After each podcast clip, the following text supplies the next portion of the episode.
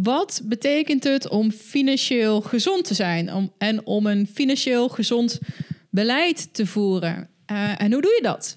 En dan niet alleen voor, voor ondernemers en kleine zelfstandigen, maar ook als je niet ondernemer bent. Hoe kan je je relatie tot geld verbeteren? En wat is de rol die jouw overtuigingen rondom geld en rijkdom hebben uh, daarop? Nou, dit zijn super interessante vragen. En in deze aflevering van de Transformatie Podcast, want daar luister je naar, bespreek je dit met Femke Hogema. En Femke heeft meegewerkt aan de Nederlandse vertaling van het boek Profit First. Nou, dat is een boek wat mijn hele uh, financiële administratie en mijn relatie tot, uh, tot, tot geld en, en um, winst ook volledig op zijn kop heeft gezet. Op een goede manier wel te staan. Ik zeg wel eens met een knipoog. Dit is uh, een van de grootste bijdragen ook geweest aan uh, mijn soort van financial awakening. Want ja, mijn relatie met geld was echt alles behalve goed. Um, daar hebben we het in de podcast uitgebreid over. Dus daarvoor moet je echt eventjes uh, moet je even gaan luisteren. Ik vond het echt een super waardevolle aflevering. Eentje waar ik echt ontzettend ook naar uitkeek om hem op te gaan nemen. Ik heb er veel van geleerd. Uh, Femke is echt een hele inspirerende vrouw met een mooie missie ook om uh, ondernemers te helpen om een uh, ja, financieel gezond te worden. Ik hoop dus ook dat je van deze aflevering geniet. Vergeet ook niet om, zoals altijd, als je dit waardevol vindt, leuk vindt, je hebt hier wat aan, om hem te delen met je vrienden. Dus post hem vooral op je Facebook of in je Instagram stories. Tag mij dan ook daarin. Dan kan ik je een shout-out geven. En vergeet ook niet om op de site van 12 Waves te kijken, want deze podcast is een 12 Waves productie. Nou, wat is 12 Waves? We helpen mensen met persoonlijk leiderschap en um, ja, je financiële keuzes en ook je financiële doelen zijn daar natuurlijk voor heel veel mensen ook uh, uh, aan de orde van de dag. Net als ik, ik wil graag financiële vrijheid. Nou, wat we dus bij 12 Waves uh, doen, is bepalen van, goh, dat is een heel mooi doel. Wat houdt dat precies in? En welke stappen moet jij zetten om daar te komen? Dus uh, als dat iets is waar jij je ook mee bezighoudt en je denkt van hé, hey, ik, uh, uh, ik kan daar wel wat ondersteuning bij gebruiken, kijk dan even op www.12-waves.nl of ga gewoon naar de show notes van deze aflevering uiteraard. Um, zoals gezegd, geniet van deze podcast met Femke Hogema. Ik zie je heel graag volgende week weer.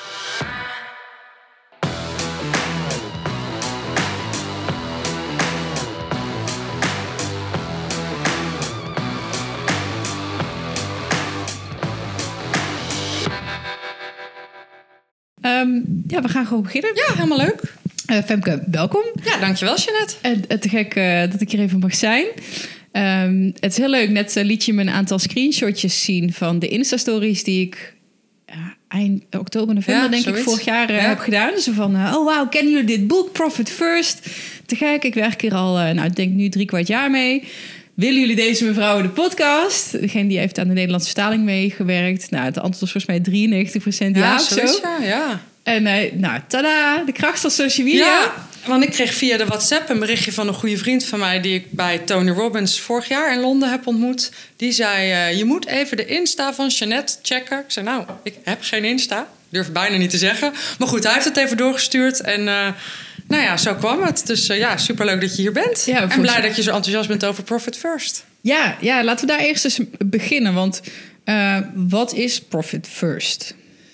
Ja, uh, goede vraag. Want niet iedereen kent het natuurlijk. Hè? Al, alhoewel ik denk van, wie kent het nou nog niet? Maar Profit First is eigenlijk um, het ouderwetse potjesdenken... Uh, wat vroeger gebruikt werd door, in ieder geval door mijn paak en oma opa en oma, maar we noemden hem paken, om je geld te managen. En, um, en Profit First is eigenlijk dat ouderwetse potjesdenken vertaald naar ondernemers. Dus het, het gaat puur over de vraag: hoe manage je als ondernemer je, je geld op een zo praktisch mogelijke manier, zonder dat je boekhoudkundige kennis hoeft te hebben, maar wel zodat je gewoon kunt sturen op de financiële sorry, gezondheid van je bedrijf. Ja, ik, ik weet nog wat mij zeg maar aan boord haalde toen ik dat boek las, is dat je als ondernemer soort van vanuit je onderbuikgevoel uh, investeringsbeslissingen neemt. Ja. En dat was zo herkenbaar. Ja. En dan kijk, want je kijkt inderdaad in je bankieren-app. Ja. Dus je weet hoeveel geld er op je rekening staat. En dan komt er iets voorbij. Weet je, dan moet je een keuze maken van kunnen we dit nu doen of niet? Dan flyers laten drukken of je, wat het dan ook is. Dan denk je, ja, ongeveer, het lukt wel. Weet je, en dat heel erg dat intuïtief ondernemen, dat het dus met je bankieren-app vaak gaat. Met het bedrag. En dan in je hoofd maak je een soort van sommetje, weet je wat er aankomt. En ja, kan nu wel of kan nu niet. En weet je, dat werd zo in dat boek helemaal uitgelegd. En dacht ik, ja, inderdaad, dit is echt precies Ja, hoe ik de keuzes maak. ja. Eh, en, en toen dan gaat het natuurlijk veel verder zo van... oké, en waarom is het dan een slecht idee? Nou, precies. Maar dat is wel denk ik goed om te no- benoemen. Want waarom is dat een slecht idee? Want ik denk dat heel veel ondernemers zeggen... van ja, maar zo onderneem ik ook, ook graag. En ik, ik wil ook graag mijn intuïtie laten spreken in ondernemerschap. En het gaat eigenlijk ook al heel lang goed. Hè? Dat gebeurt er dan ook nog. ja. Ehm, en ehm, het is wel interessant, want boekhouders die zeggen in, in de basis: je kunt niet je bedrijf runnen door naar je banksaldo te kijken. En er zit een kern van waarheid in, want in je banksaldo. eh, ja, daar, daar staat niet waar het geld voor bestemd is. Er staat ook niet in welke schulden je nog hebt aan leveranciers, hè, welke rekeningen je nog moet betalen. Heel veel dingen staan niet in dat ene banksaldo. Daarom zeggen boekhouders: je moet naar je boekhouding kijken. Je moet je cijfers analyseren en je begroting en alles. Maar ja, dat doen ondernemers dus niet. Ondernemers die, ja, die vinden dat of complex of die hebben er geen zin in. Die willen gewoon hun klanten helpen. En Mike McCallowich is echt wat, wat, ja, wat mij betreft echt wel mijn held in dat opzicht. Die had op een gegeven moment zoiets van... ja, maar laten we nou eens stoppen om tegen die ondernemer te zeggen... je moet je verdiepen in je boekhouding... want we zien al honderden jaren dat hij dat niet doet. Dus laten we nou eens een systeem verzinnen... waardoor die ondernemer kan blijven doen wat hij altijd deed... namelijk naar mijn banksaldo kijken... en toch zijn geld managen. Ja, En ja, dat is geweldig. ja, En ik zei dus net, het is het eigenlijk het potjes, potjesysteem wat onze opa's en oma's vroeger gebruikten. Want bij, mij, bij mijn opa en oma was het letterlijk zo. Ik had dus een paken en een oma. Paken die kwam aan het eind van de week met zijn zakje geld. En dan gingen paken en oma dat geld verdelen in zo'n oranje Brabantia-blik over de doelen van het geld. ja. Dus er kwam wat geld in het potje voor de melkboer, voor de boodschappen, voor de huisbaas en voor extraatjes voor de kinderen. En als oma dan boodschappen ging doen, dan nam ze alleen maar het geld mee uit het bakje, het potje van de boodschappen. En ze maakte dus niet geld op wat bedoeld was voor andere doelen. Ja, ja. En dat werkte. Maar ja, dat zijn we helemaal losgelaten met de Ja, digitale- online wereld, digitale wereld. Terwijl in essentie dat systeem wel werkt. Want je ziet gewoon precies wat, waar je geld beschikbaar voor is. En dat is dus Profit First, alleen vertaald naar ondernemers. Ja, Dus vertaald naar ondernemers, ik denk dat het wel even handig is om dat dan toe Ja, te lichten. ja. Heb je eigenlijk ook meerdere doelen met je geld. Het eerste doel is winst. En eh, misschien moeten we het er zo ook nog even over hebben dat dat niet alleen maar als gierig gezien hoeft te worden. Hè? Want Mm, ja de money dan dat. mindset is sowieso Ja. een heel... Ja. Ook voor niet-ondernemers, want we hadden het van tevoren ook even over. Ja. Eh, ja, ik ben natuurlijk ondernemer. Ik weet dat er veel ondernemers luisteren. Ik denk dat we daar heel veel van kunnen leren. Maar dat is ook echt heel erg de vertaalslag te maken naar, Ja. naar privé. Dus dat gaan we ook nog... Gaan we ook nog doen? Ook nog doen. Zeker. ja. Ehm, nou goed, winst is dus een doel. Tweede Ja. doel is salaris. Derde doel is belastingen. En vierde doel is kosten. En, ehm, en er zijn nog veel meer doelen denkbaar. Hè. Ik heb zelf veel meer dan die vier of eigenlijk vijf potjes. Ik heb zelf iets van tien of twaalf rekeningen. Maar dat zijn de basisdoelen. Winst, salaris, belastingen en kosten. Ja. En het grote risico is dat als je al je geld op één rekening zet... en zoals je net zegt, hè, van je wil bijvoorbeeld flyers laten drukken... dan kijk je naar je bankrekening en dan denk je bijvoorbeeld geld zat. Je niet realiserend dat een hele grote smak geld helemaal niet voor jou is... maar van de fiscus. En dat je eigenlijk ook nog je salaris moet betalen... maar ook nog je salaris straks in de zomervakantie moet betalen... als er niks binnenkomt. Dus dat je eigenlijk moet reserveren voor salaris. Want dat kennen zoveel mensen. Mm. In de zomer slaat ineens de paniek toe. Waar moet ik nou mijn salaris van betalen, want er komt niks binnen. Ehm, maar ook dat er nog rekeningen en leveranciers betaald moeten worden. Dus ja, als je alleen maar kijkt naar één bak geld, dan hou je jezelf voor de gek. Ja, en wat, wat voor mij en eh Love Fit Food, dat was het bedrijf eh, ja, wat ik eigenlijk tot nu toe heb gedaan, echt een gigantische struggle was. En eh, dat, dat sowieso kleine startende ondernemers, sowieso volgens mij leven heel veel ZZP'ers onder de armoedegrens. Als je dat- Ja, eh, vijf keer zoveel als werknemers. Dus er is Ja. vijf keer meer armoede onder ZZP'ers dan onder werknemers. En dat is ook, het voelt niet zo, want je ziet, er is cashflow. Je ziet Ja. hadden wij ook, er was zo wat cashflow. Ehm, maar het eerste wat ik deed, was zo snel mogelijk iedereen betalen die geld van mij kreeg. Ja. En dan, oh, en misschien eh, dat Mike en ik elke maand dan ook iets naar onszelf overmaakten. Nou, dat, en het was voor onze site job. Het was heel lang niet meer fulltime baan. Dus dan misschien een keer 250 euro. Ja, misschien een keer 500 euro. Nou, hoe, hoe, weet je wel. Ja. Dan was het echt feest. Ja. En dat is niet erg, want het was ook, weet je wel, een, soort een start-up en een, een leerschool. En het, het bedroop zichzelf. Dus dat is perfect. Ja. Maar die, dat was echt die gigantische switch om te maken van... oké, nee, ik ga eerst geld opzij zetten voor salaris en voor winst. En dan voor de Belastingdienst. En dan ga ik mijn kosten betalen. En dan kom je erachter, oh, maar dan kan ik dus mijn kosten niet betalen. Ja. En dat was, en dat staat ook in dat boek, zo'n assessment. eh, one minute assessment een, sheet. ehm, of sheet, zoiets. Ehm, een- ik, heb, ik ben ineens woord kwijt. Quick assessment. Ja. Er zat zo'n één, eh, zo'n één Ja. pagina ding waar je heel snel een soort van berekening Ja. kan maken van Ja. hoe, hoe f- f- eh, Ja. nou niet hoe waardevol, maar hoe, wat gaat er in je bedrijf om, zeg maar. Ja, weet je wat je nu noemt in dit voorbeeld? Daar zitten al zoveel elementen in. Want ehm, ehm, een van de dingen die jij die je eigenlijk zegt, en dat is wat. Ja, je zegt heel veel, dus wat ga ik eerst uitpakken? Maar een van de dingen die je zegt is. ehm, je betaalt gewoon alle rekeningen. En dan misschien blijft er aan het eind van de maand nog wat over. 250 euro om aan onszelf, in jouw geval jou en Mike, over te maken. En ik weet dat er ongetwijfeld nu ondernemers zijn die zeggen: ja, maar dat is ook logisch. Want ik kan toch niet tegen mijn leverancier zeggen: ik betaal de rekening niet, want ik heb eerst mijn salaris genomen, of nog erger, eerst mijn winst. Of ja, maar ik heb een groeiend bedrijf, dus ik moet investeren. En dat is allemaal waar, maar ehm, op het moment dat je eigenlijk eerst alle kosten betaalt en dan pas gaat kijken naar wat er overblijft voor jezelf, dan ben je dus in essentie geen gezond bedrijf aan het bouwen. ja, dat was zo'n grote bang, hamer Ja. op in mijn kop. Ja. Zo van, oké, ik ben dus nu geld aan het rond... En weet je, het ging dan max of 2000 euro per maand Ja. of zo, weet je wel. Gewoon, je, je hebt een webshop en je begint... En dan denk je, oh, oh, er komt wat geld binnen. Het is hartstikke leuk. Ja. Maar eigenlijk ben ik gewoon voor Piet Snot gewoon niks aan het doen. Ja. Gewoon ja, m- heel veel lessen aan het leren en heel veel wijzer worden. En daarom het bedrijf ook losgelaten. Ja. Maar dat was echt zo, ja, wat zijn we nou aan het doen? Voor wie eigenlijk? Ja. En dat, is, dat, dat vreet wel aan je. En dat is echt een mindset ding, want heel lang kun je nog denken: ja, maar straks, Ja. dan komt het geld in grote sloten binnen. Ja. En zo werkt het spel dus niet. Je moet je bedrijf eigenlijk leren zoals je een, een kind leert om met bestek te eten, bij wijze van spreken, moet je je bedrijf leren om winst te maken. En als je je bedrijf dat niet leert, nou, dat is wat Mike dan zegt, dan blijft je bedrijf, Mike McCallowich, we hebben nu twee Mikes, jou Mike en Mike McCallowich, maar dan blijft je bedrijf een geldverslindend monster Ja. die gewoon iedere cent opeet. En het grappige is dat iedereen dat wel herkent. Hè? Of je nou particulier bent of ondernemer. Iedereen herkent wel geld wat in je portemonnee zit. De ene dag zit het erin en de andere dag is het op.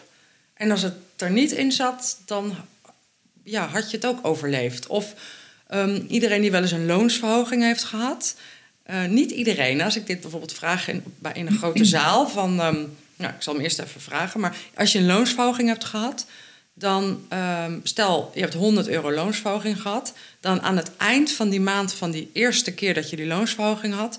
hoeveel mensen hebben die 100 euro dan daadwerkelijk over op hun rekening? Ja, dat is maar 10% Altijd wel, hè? Altijd wel wat mensen die dat dan over hebben. En dan denk ik, oh, Ja, ja, ze bestaan. ja, en maar hoe dan? Wat voor unicorns zijn Ja, dit? wat voor unicorns zijn dat? Dan ben ik ook licht jaloers, want dat overkomt mij nou nooit. Nee. En mensen denken dat dat mij... Die zijn er dan weer over verbaasd van... ja, maar Femke, jij hebt er toch verstand van? Ik denk, ja, ik kan zoveel verstand hebben van cijfers... maar ik ben wel gewoon een mens Ja. met, met, met een money mindset en met emoties. En ik maak ook gewoon geld op als het binnenkomt. Ja. Dus, dus, dus dat geld is dan gewoon aan het eind van die maand op. En zo hadden wij bijvoorbeeld, ehm, eh, toen wij... Nou, we hebben twee kinderen van zeven en vijf. En toen onze oudste geboren werd, zeiden we... we gaan de kinderbijslag gaan we op een aparte rekening zetten.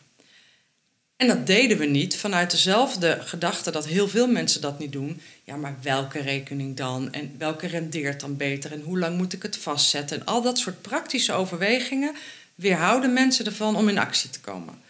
Dus wij deden dat niet.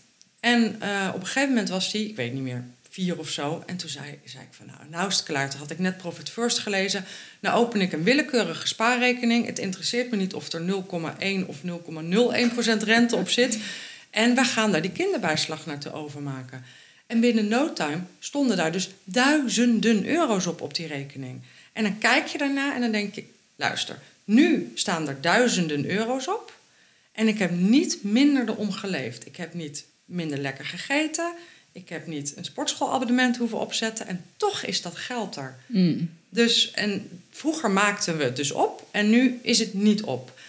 En dat herkent volgens mij iedereen. Geld Ja. wat er is, maak je op. En dat is Parkinson's Law. En Parkinson's Law zegt, we benutten de beschikbare ruimte. En dat betekent dat, eh, dat doen we in tijd en dat doen we in geld. Hè? Dus eh, als jij een week hebt voor een project, dan heb je de hele week nodig. Doe je nog eens wat onderzoek, ga je nog eens andere Insta-stories bekijken... of weet ik veel wat je allemaal met mensen bellen... kijken wat Ja. anderen ergens over geschreven hebben... En gebeurt er iets waardoor je ineens aan het eind van diezelfde dag dat projectje af moet hebben, dan, creëer je, dan regel je dat. Dan word je creatiever, dan word je gefocuster, laat je niet meer afleiden. En dan heb je dus minder tijd beschikbaar en behaal je hetzelfde resultaat. Ja. Dat is ook met geld. Wij hebben dus nu in essentie waarschijnlijk minder geld beschikbaar. Hè? Die kinderbijslag hebben we niet meer beschikbaar. Maar we leven nog hetzelfde. Dus het is kennelijk opgegaan aan, ja, who knows what. En dat is gewoon geweldig interessant. En ik heb heel lang gedacht, ja, maar zakelijk heb ik dat probleem niet. Zakelijk eh, ben ik echt wel verstandig met geld. En het blijkt gewoon niet waar te zijn. Het blijkt gewoon dat ik, nu ik met Profit First werk al ruim twee jaar, veel beter met geld omga. Veel eh, makkelijker winst maak. Veel minder pieker over belasting of überhaupt over geld. Ja. Dus er is iets met geld, met Parkinson's Law, wat gewoon een soort, ja, ja letterlijk een wet is. Van Ja. De wet van de, van de beschikbare ruimte. Wat er is, maken we op. Ja, en ook de andere kant. En die was ook zo herkenbaar om, om dat dan te lezen. Ook als je even niks hebt, Ja, ook dat lukt. En dat is ook gek, zeg maar. Hoe, en dat is meer, want je noemt net dat woordje creativiteit ja, cre- ook. ja, En, en dat beschrijft hij ook heel mooi. Op een gegeven moment kom je er dus achter dat je te weinig geld hebt om je kosten te betalen. Dus dat je bedrijf misschien niet zo rendabel is als dat je dacht. Omdat je jezelf te veel rijk rekent. Ja. Of te weinig geld opzij zet voor de Belastingdienst. Ehm, en dan word je dus creatief. En dan ga je Ja. zelf kijken, waar kan ik snijden? Waar kan ik nog wat sales doen? Kan ik die nog bellen of Ja. mailen? Kan ik nog een mailing uit... Dus dat, dat creatieve wat ondernemers hebben... ehm, ja, op de een of andere manier lukt het altijd. ja, Of ik nou een goede maand heb of een slechte maand. Ik heb bijvoorbeeld deze maand echt een, echt een hele slechte maand. Helemaal hand en eigen boezem. Ik had gewoon meer aan sales moeten, eh, salesactiviteiten moeten doen. Eh, te laat eh, een interventie voor mezelf gedaan. Maar ik weet, ja, dat lukt hoe dan ook. Dan misschien bijvoorbeeld even... En ik wilde eigenlijk niet in de min, maar weet je wel, oké... eh, nou, het is misschien ook wel leuk waar we het zo meteen over kunnen hebben. Het, het geld lenen uit potjes. ja, het geld lenen op voetjes, ja. Ja, Ehm, maar je wordt creatief. ja je en wordt creatief. Ehm, weet je, er is altijd iets om op terug te vallen. Weet je? Ja. Het, het is nooit dat je denkt, oh ja, maar misschien is dat ook mijn positieve mindset. Of, het komt altijd wel weer goed.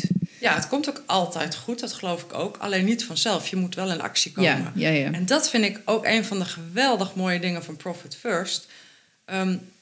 Je wordt zo geconfronteerd met de realiteit.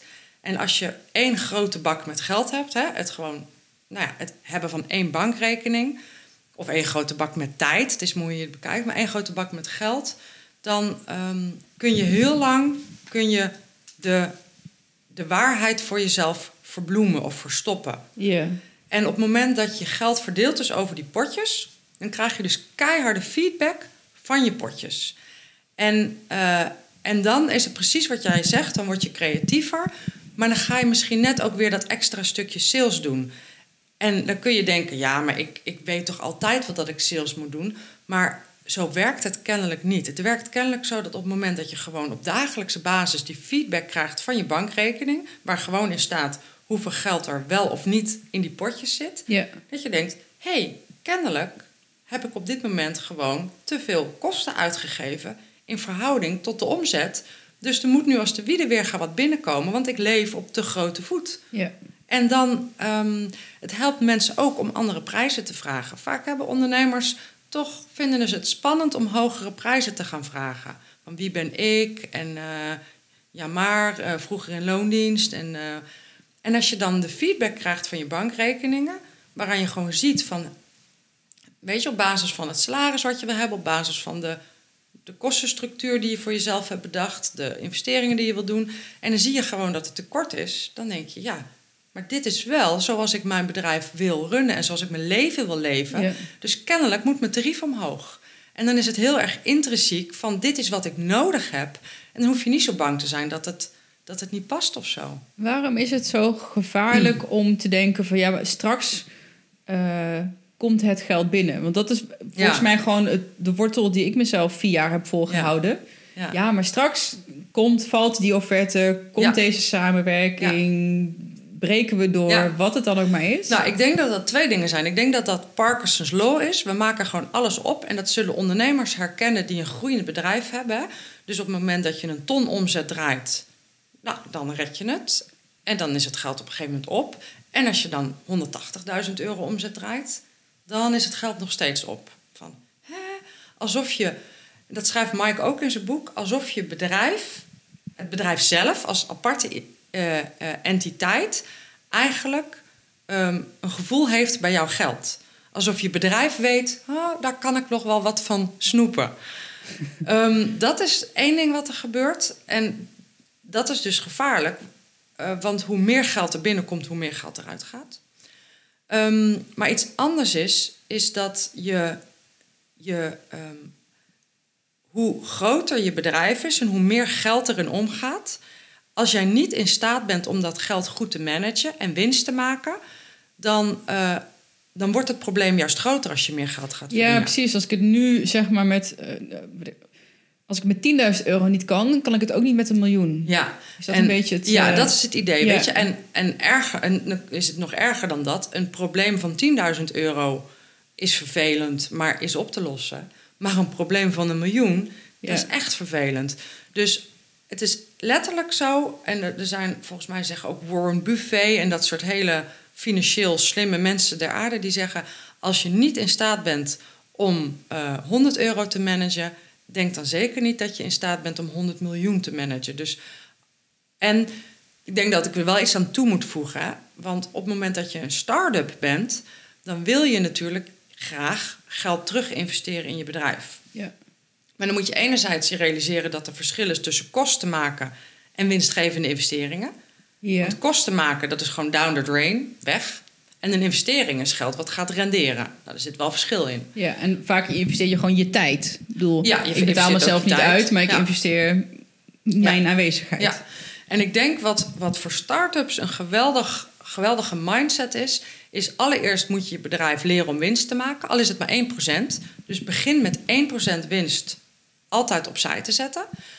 Ehm, en eh, dat kan op een gegeven moment twee worden, drie, vier, maar leer je bedrijf om winst te maken. En ten tweede, die winst hoef je niet op te maken als je een start-up bent aan, weet ik veel, eh, dure flessen wijn. Dat hoeft niet. Het mag wel van mij. Het is, hè, dat moet je zelf weten.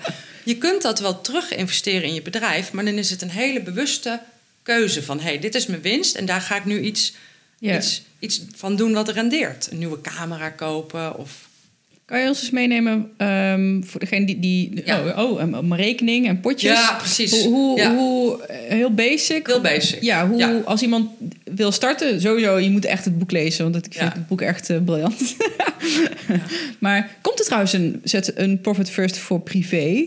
Een, een vertaalslag naar privé? Er zijn dat wel, zou wel eh, tof zijn. ik heb, ik heb eh, mensen in opleiding tot Profit First Professional. En er zijn er zeker twee die zeggen: Oh, ik zou dat misschien wel willen. Gaaf, man. Profit First voor privé schrijven. Ja, Ja. dat zou Ja. heel leuk zijn. Ja, Ja, want ik denk dat daar eh, eh, een stukje zelfredzaamheid, zeg maar, voor veel, eh, veel mensen eh, echt significant zou verhogen. Oh, en ik, ik heb al, ja, weet je, er zijn zulke geweldige dingen die we daarmee zouden kunnen doen. Ik zit af en toe wel eens te denken, ik had het er laatst met iemand over. Stel je nou voor dat we dit ehm, op scholen zouden kunnen doen. Er zijn echt al kinderen van 13, 14 met schulden. Die gewoon geld opmaken wat er niet is. Ja. Aan telefoons en eh, ik weet niet wat je tegenwoordig allemaal kunt kopen. Digitale Ja, apps, eh, jasjes. en- telefoon ja, maar ook eh, jasjes voor je digitale avatars. Oh, ja, Het kost allemaal handenvol geld. En ehm, dus, maar goed, dus ja, Ja. dus Maar ik dat- hoop dat ik dat komt. Ja, daar gaan we het zo over hebben, ja. dacht ik, oh ja, Ja. Ik, ik, even voor jouw beeldvorming. Ik ben zeg maar het toonbeeld voor alles wat je zeg maar fout kan doen in je financiële eh, opvoeding. Ja, Er werd ik altijd grapjes over gemaakt. Oh, Jeanette, nee, die kan niet sparen. oh ja. Dus dat is er ook al, en dat is deels omdat ik dat dan niet kon, maar het werd me ook wel een beetje ingegeven van nee, dat kan jij niet. nee, dus hoef je het ook niet meer te proberen, want dan is het toch al lost, lost case. Ja, dus ik had, Lost inderdaad- ik had ja. nooit geld. En tijdens mijn studie, ik heb eh, volle bak eh stufie geleend. Ja. Op een gegeven moment was dat eh 900 gulden per maand of zo. Ja. Was de, de beurs plus lening. Ja, Ehm, met, met, ja, zelfs al was ik weet je, 18, 19, dat was hartstikke naïef. Oh nee, als ik straks klaar ben met studeren en ik heb psychologie gestudeerd, ja. dan, nee, dan heb ik een goede baan hoor. Dan stroomt het geld binnen. Ja, dan Ja. kan ik best wel een paar honderd euro per maand aflossen aan de IB. Nou, ik sta nu al anderhalf of twee jaar staat mijn IB-aflossing stil. Oh ja. Omdat als je op een gegeven moment mijn, mijn, mijn fulltime baan opgezegd. Ik had gewoon een goede baan in het onderwijs. Eh het hele ondernemersavontuur begonnen. Vorig jaar was mijn winst negatief. ja, dan hoef je niet meer af te lossen. Hoef ik niet meer af te lossen, dat is één voordeel. Maar ik heb, toen ik klaar was met studeren, en dit is, nou, ik, ik word er een beetje warm van, want ik, ik schaam me niet, maar toch ook weer wel. Ik had 55.000 euro studieschuld. Wauw, dat zijn echt forse bedragen. En Waarvan ik nu denk, hoe heb ik het zo lang kunnen negeren? Want het is gewoon kop in het zand. Oh, kom morgen wel, kom morgen wel, kom morgen wel. Ja. En eh, een van mijn allergrootste doorbraken in, in mijn eigen... toen ik begon met de mastermind groep... was een soort van financial awakening. En daar heeft dit boek Mm. ook wel ook aan bijgedragen. Maar ook van eh, geld, currency, is energie. Ja. En het was voor mij zo dat ik vind, maar dit is gewoon een gigantisch energielek. Ja. Dit, dit zweeft als een soort van zwaard van Damocles boven Ja. mijn hoofd. In je achterhoofd, je weet dat het er is. Ja. Het heeft nu geen aandacht. Zo van, nee, dat is oké, dat kan nog een paar jaar wachten. Dus bijna geen rente. Maar dat voelt zo shit. Ja. En denk, ja, ik moet gewoon mijn kop uit het zand halen. En gewoon beseffen, nee, er is geen morgen. Ik moet het nu vandaag stappen in ondernemen en oplossen. En gewoon niet meer negeren. Dus Ja. dat gewoon onder ogen durven zien. En ik ben nu nog op 25.000 euro. Oh, wauw. Ze heeft gigantische stappen gezet. Ja. Ik denk dat dit... Maar dat is wel dat is bloed, zweten en tranen. Ja, En ik denk dat deze want nu... En toen kwam dus het hele ondernemersavontuur. Dit gaat wel weer eventjes duren voordat ik hier weer eh, stappen op kan ondernemen. Maar dat eigenlijk, als ik erover nadenk, denk ik, Jezus, maar ik weet zeker dat er heel veel mensen zijn met of een gigantische Ja, het. of, Ja. of consumptief krediet. Maar daarom, jij vertelt nu dit verhaal. En ik denk dat je daar je luisteraars en je kijkers een gigantisch plezier mee doet. Want iedereen heeft wel zo'n ding.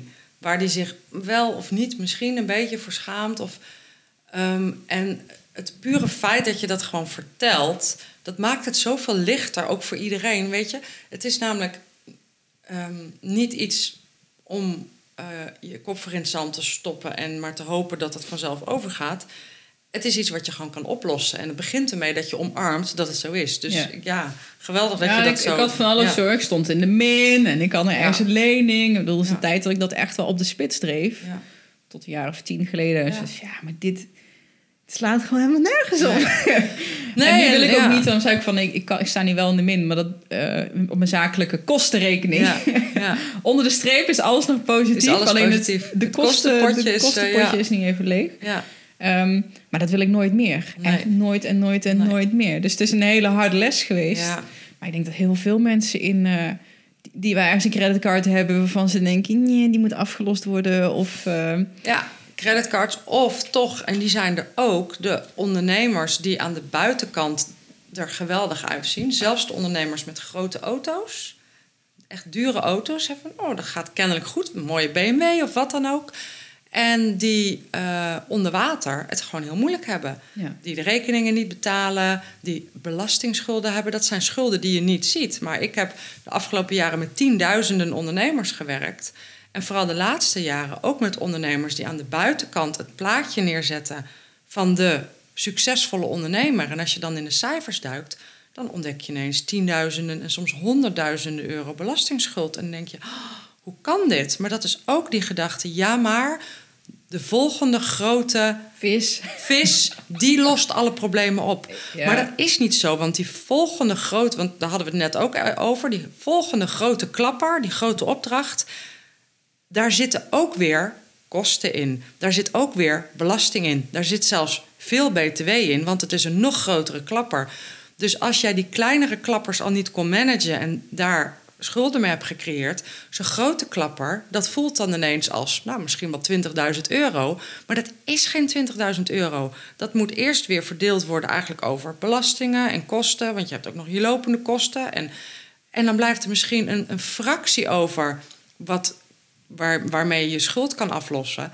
Maar ja, wij zijn ook mensen met emoties. En de emotie is dan, ja, en nu heb ik het verdiend om van die 20.000 euro ook met mijn vriendin of met mijn vriend eens even heel luxe uit eten te gaan. Want we hebben er zo hard voor gewerkt en zoveel ellende.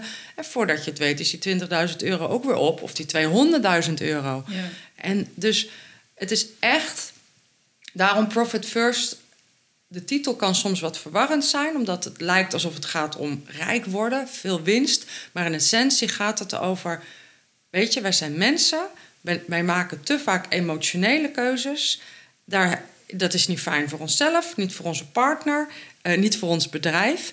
En Profit First is een in-your-face methode om je, je financiën te gaan regelen. Ja. Ja, het is echt. En misschien, Ja. dat is wel leuk, ik zal vertellen wat ik doe. Ja, doe. ja. En dan heb ik nog steeds niet verteld hoe het werkt, hè? Nee, erg dit. Nee, nee. En dan vul ik het eventueel nog aan. Ja. Oh, dit is mijn podcast. Dit is- eh, ja, ik... Nee, sorry. Oké, wat ik doe, en ik deed het eerst twee keer per maand. Dan komt dat via de webshop die ik dus eerst had, betaalde twee keer per maand eh, uit. Ja. Nu doe ik dus nog, nog maar één keer per maand. Ja. Is dat eh, ten eerste gedurende de, de maand facturen die binnenkomen, die zet ik in een mapje facturen. En ik kijk, ik, ik betaal maar één keer per maand facturen. Dat was al Ja. een hele eh, Ja. switch. En er komt dus één keer per maand geld binnen. En dan schrijf ik eh, in mijn boekje. Oh, misschien heb ik hier zelfs nog wel eentje in staan. Ik vind, dat, ik vind dat dan ook echt leuk. Maar ik, Ja. ik vond statistiek ook leuk en wiskunde en zo. Dus ik, ik hou er wel van. Ehm, maar ook mensen die geen statistiek leuk vinden, die houden ervan. Oh, kan ik natuurlijk nu alle minuut geen vinden. Want dat is wel even grappig. Oh ja, dan schrijf ik eerst op wat de ontvangsten zijn. Dus dan, eh, ik heb een, een rekening bij de knop ontvangsten. Daar Ja. komen al mijn betalingen op ja, binnen. dus al jouw klanten betalen Ja, jou op die één- ene ontvangstrekening. op één en dat is ook de basis van... Ja, dus ik doe even de ondertiteling. Ja. Dus al je klanten betalen in je ontvangstrekening. Klopt.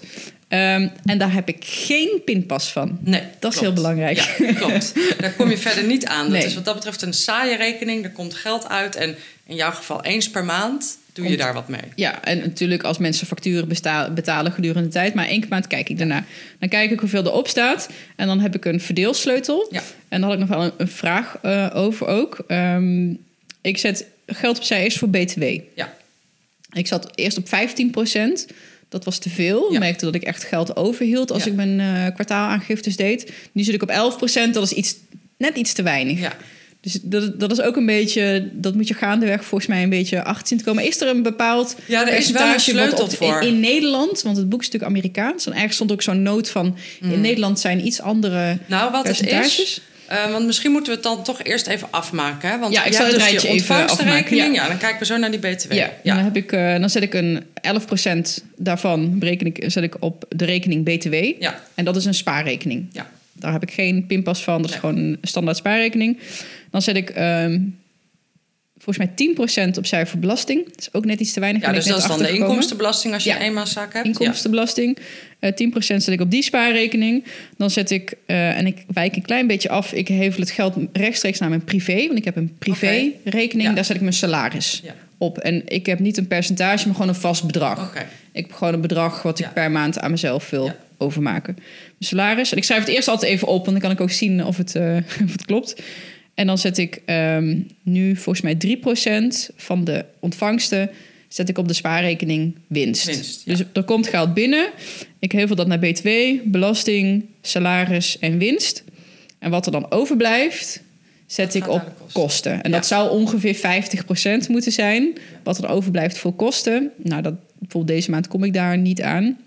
En die kostenrekening, dat is een betaalrekening. Alleen daarvan heb ik een pinpas. Daar doe ik mijn benzine van betalen, Ja. mijn etentjes, mijn gewoon mijn zakelijke eh, lunch, et cetera. Dus dat is het enige waar ik van pin. En ook als ik online iets bestel of zo, is het altijd vanaf die rekening. Ja. Dus ik heb twee betaalrekeningen. Eentje heb ik een pinpas van, de andere niet. En ik heb dan 1, 2, 3 Ja. spaarrekeningen. Ja, en ik denk dat, dat, dat je voor jezelf een aantal dingen nog wat makkelijker daarin kan maken hoor. Want ehm, eh, je noemt net KNAP, maar bij KNAP kun je eh, eigenlijk tot vijf betaalrekeningen zonder probleem openen. En eh, als je bijvoorbeeld een betaalrekening hebt voor je BTW, dan kun je vanaf die betaalrekening meteen de fiscus betalen. dus dan Oh, hoef je ja. het niet heen en weer te. Nu tussen die spaarrekening, want de rest is dan sparen. Ja, het gaat wel redelijk Ja. snel, maar misschien dat mijn boekhouder dat wordt dan Ja, ingelezen. Zo'n systeem denkt van, wat wordt hier allemaal voor geld heen en weer geschoven? Ja, dus als we het even samenvatten. Dus je krijgt geld binnen in je ontvangstenrekening. Ja. Daar betalen jouw klanten op. Daar laat je daar lekker staan. Het is wel leuk om af en toe te kijken hoeveel komt er binnen. Want als je dit een tijdje doet, dan heb je op een gegeven moment... dan weet je gewoon, eigenlijk moet ik iedere week of iedere maand zoveel binnenkrijgen... Ja. om alle potjes te spekken. En dat is leuk, want die ontvangst die gaat dus ook elke maand even op nul. Ja, die gaat even Gaat op nul en dan even begin je weer opnieuw. overnieuw. Ja, dat is dan leuk. begin je weer overnieuw. nou, en dan verdeel je inderdaad eens per...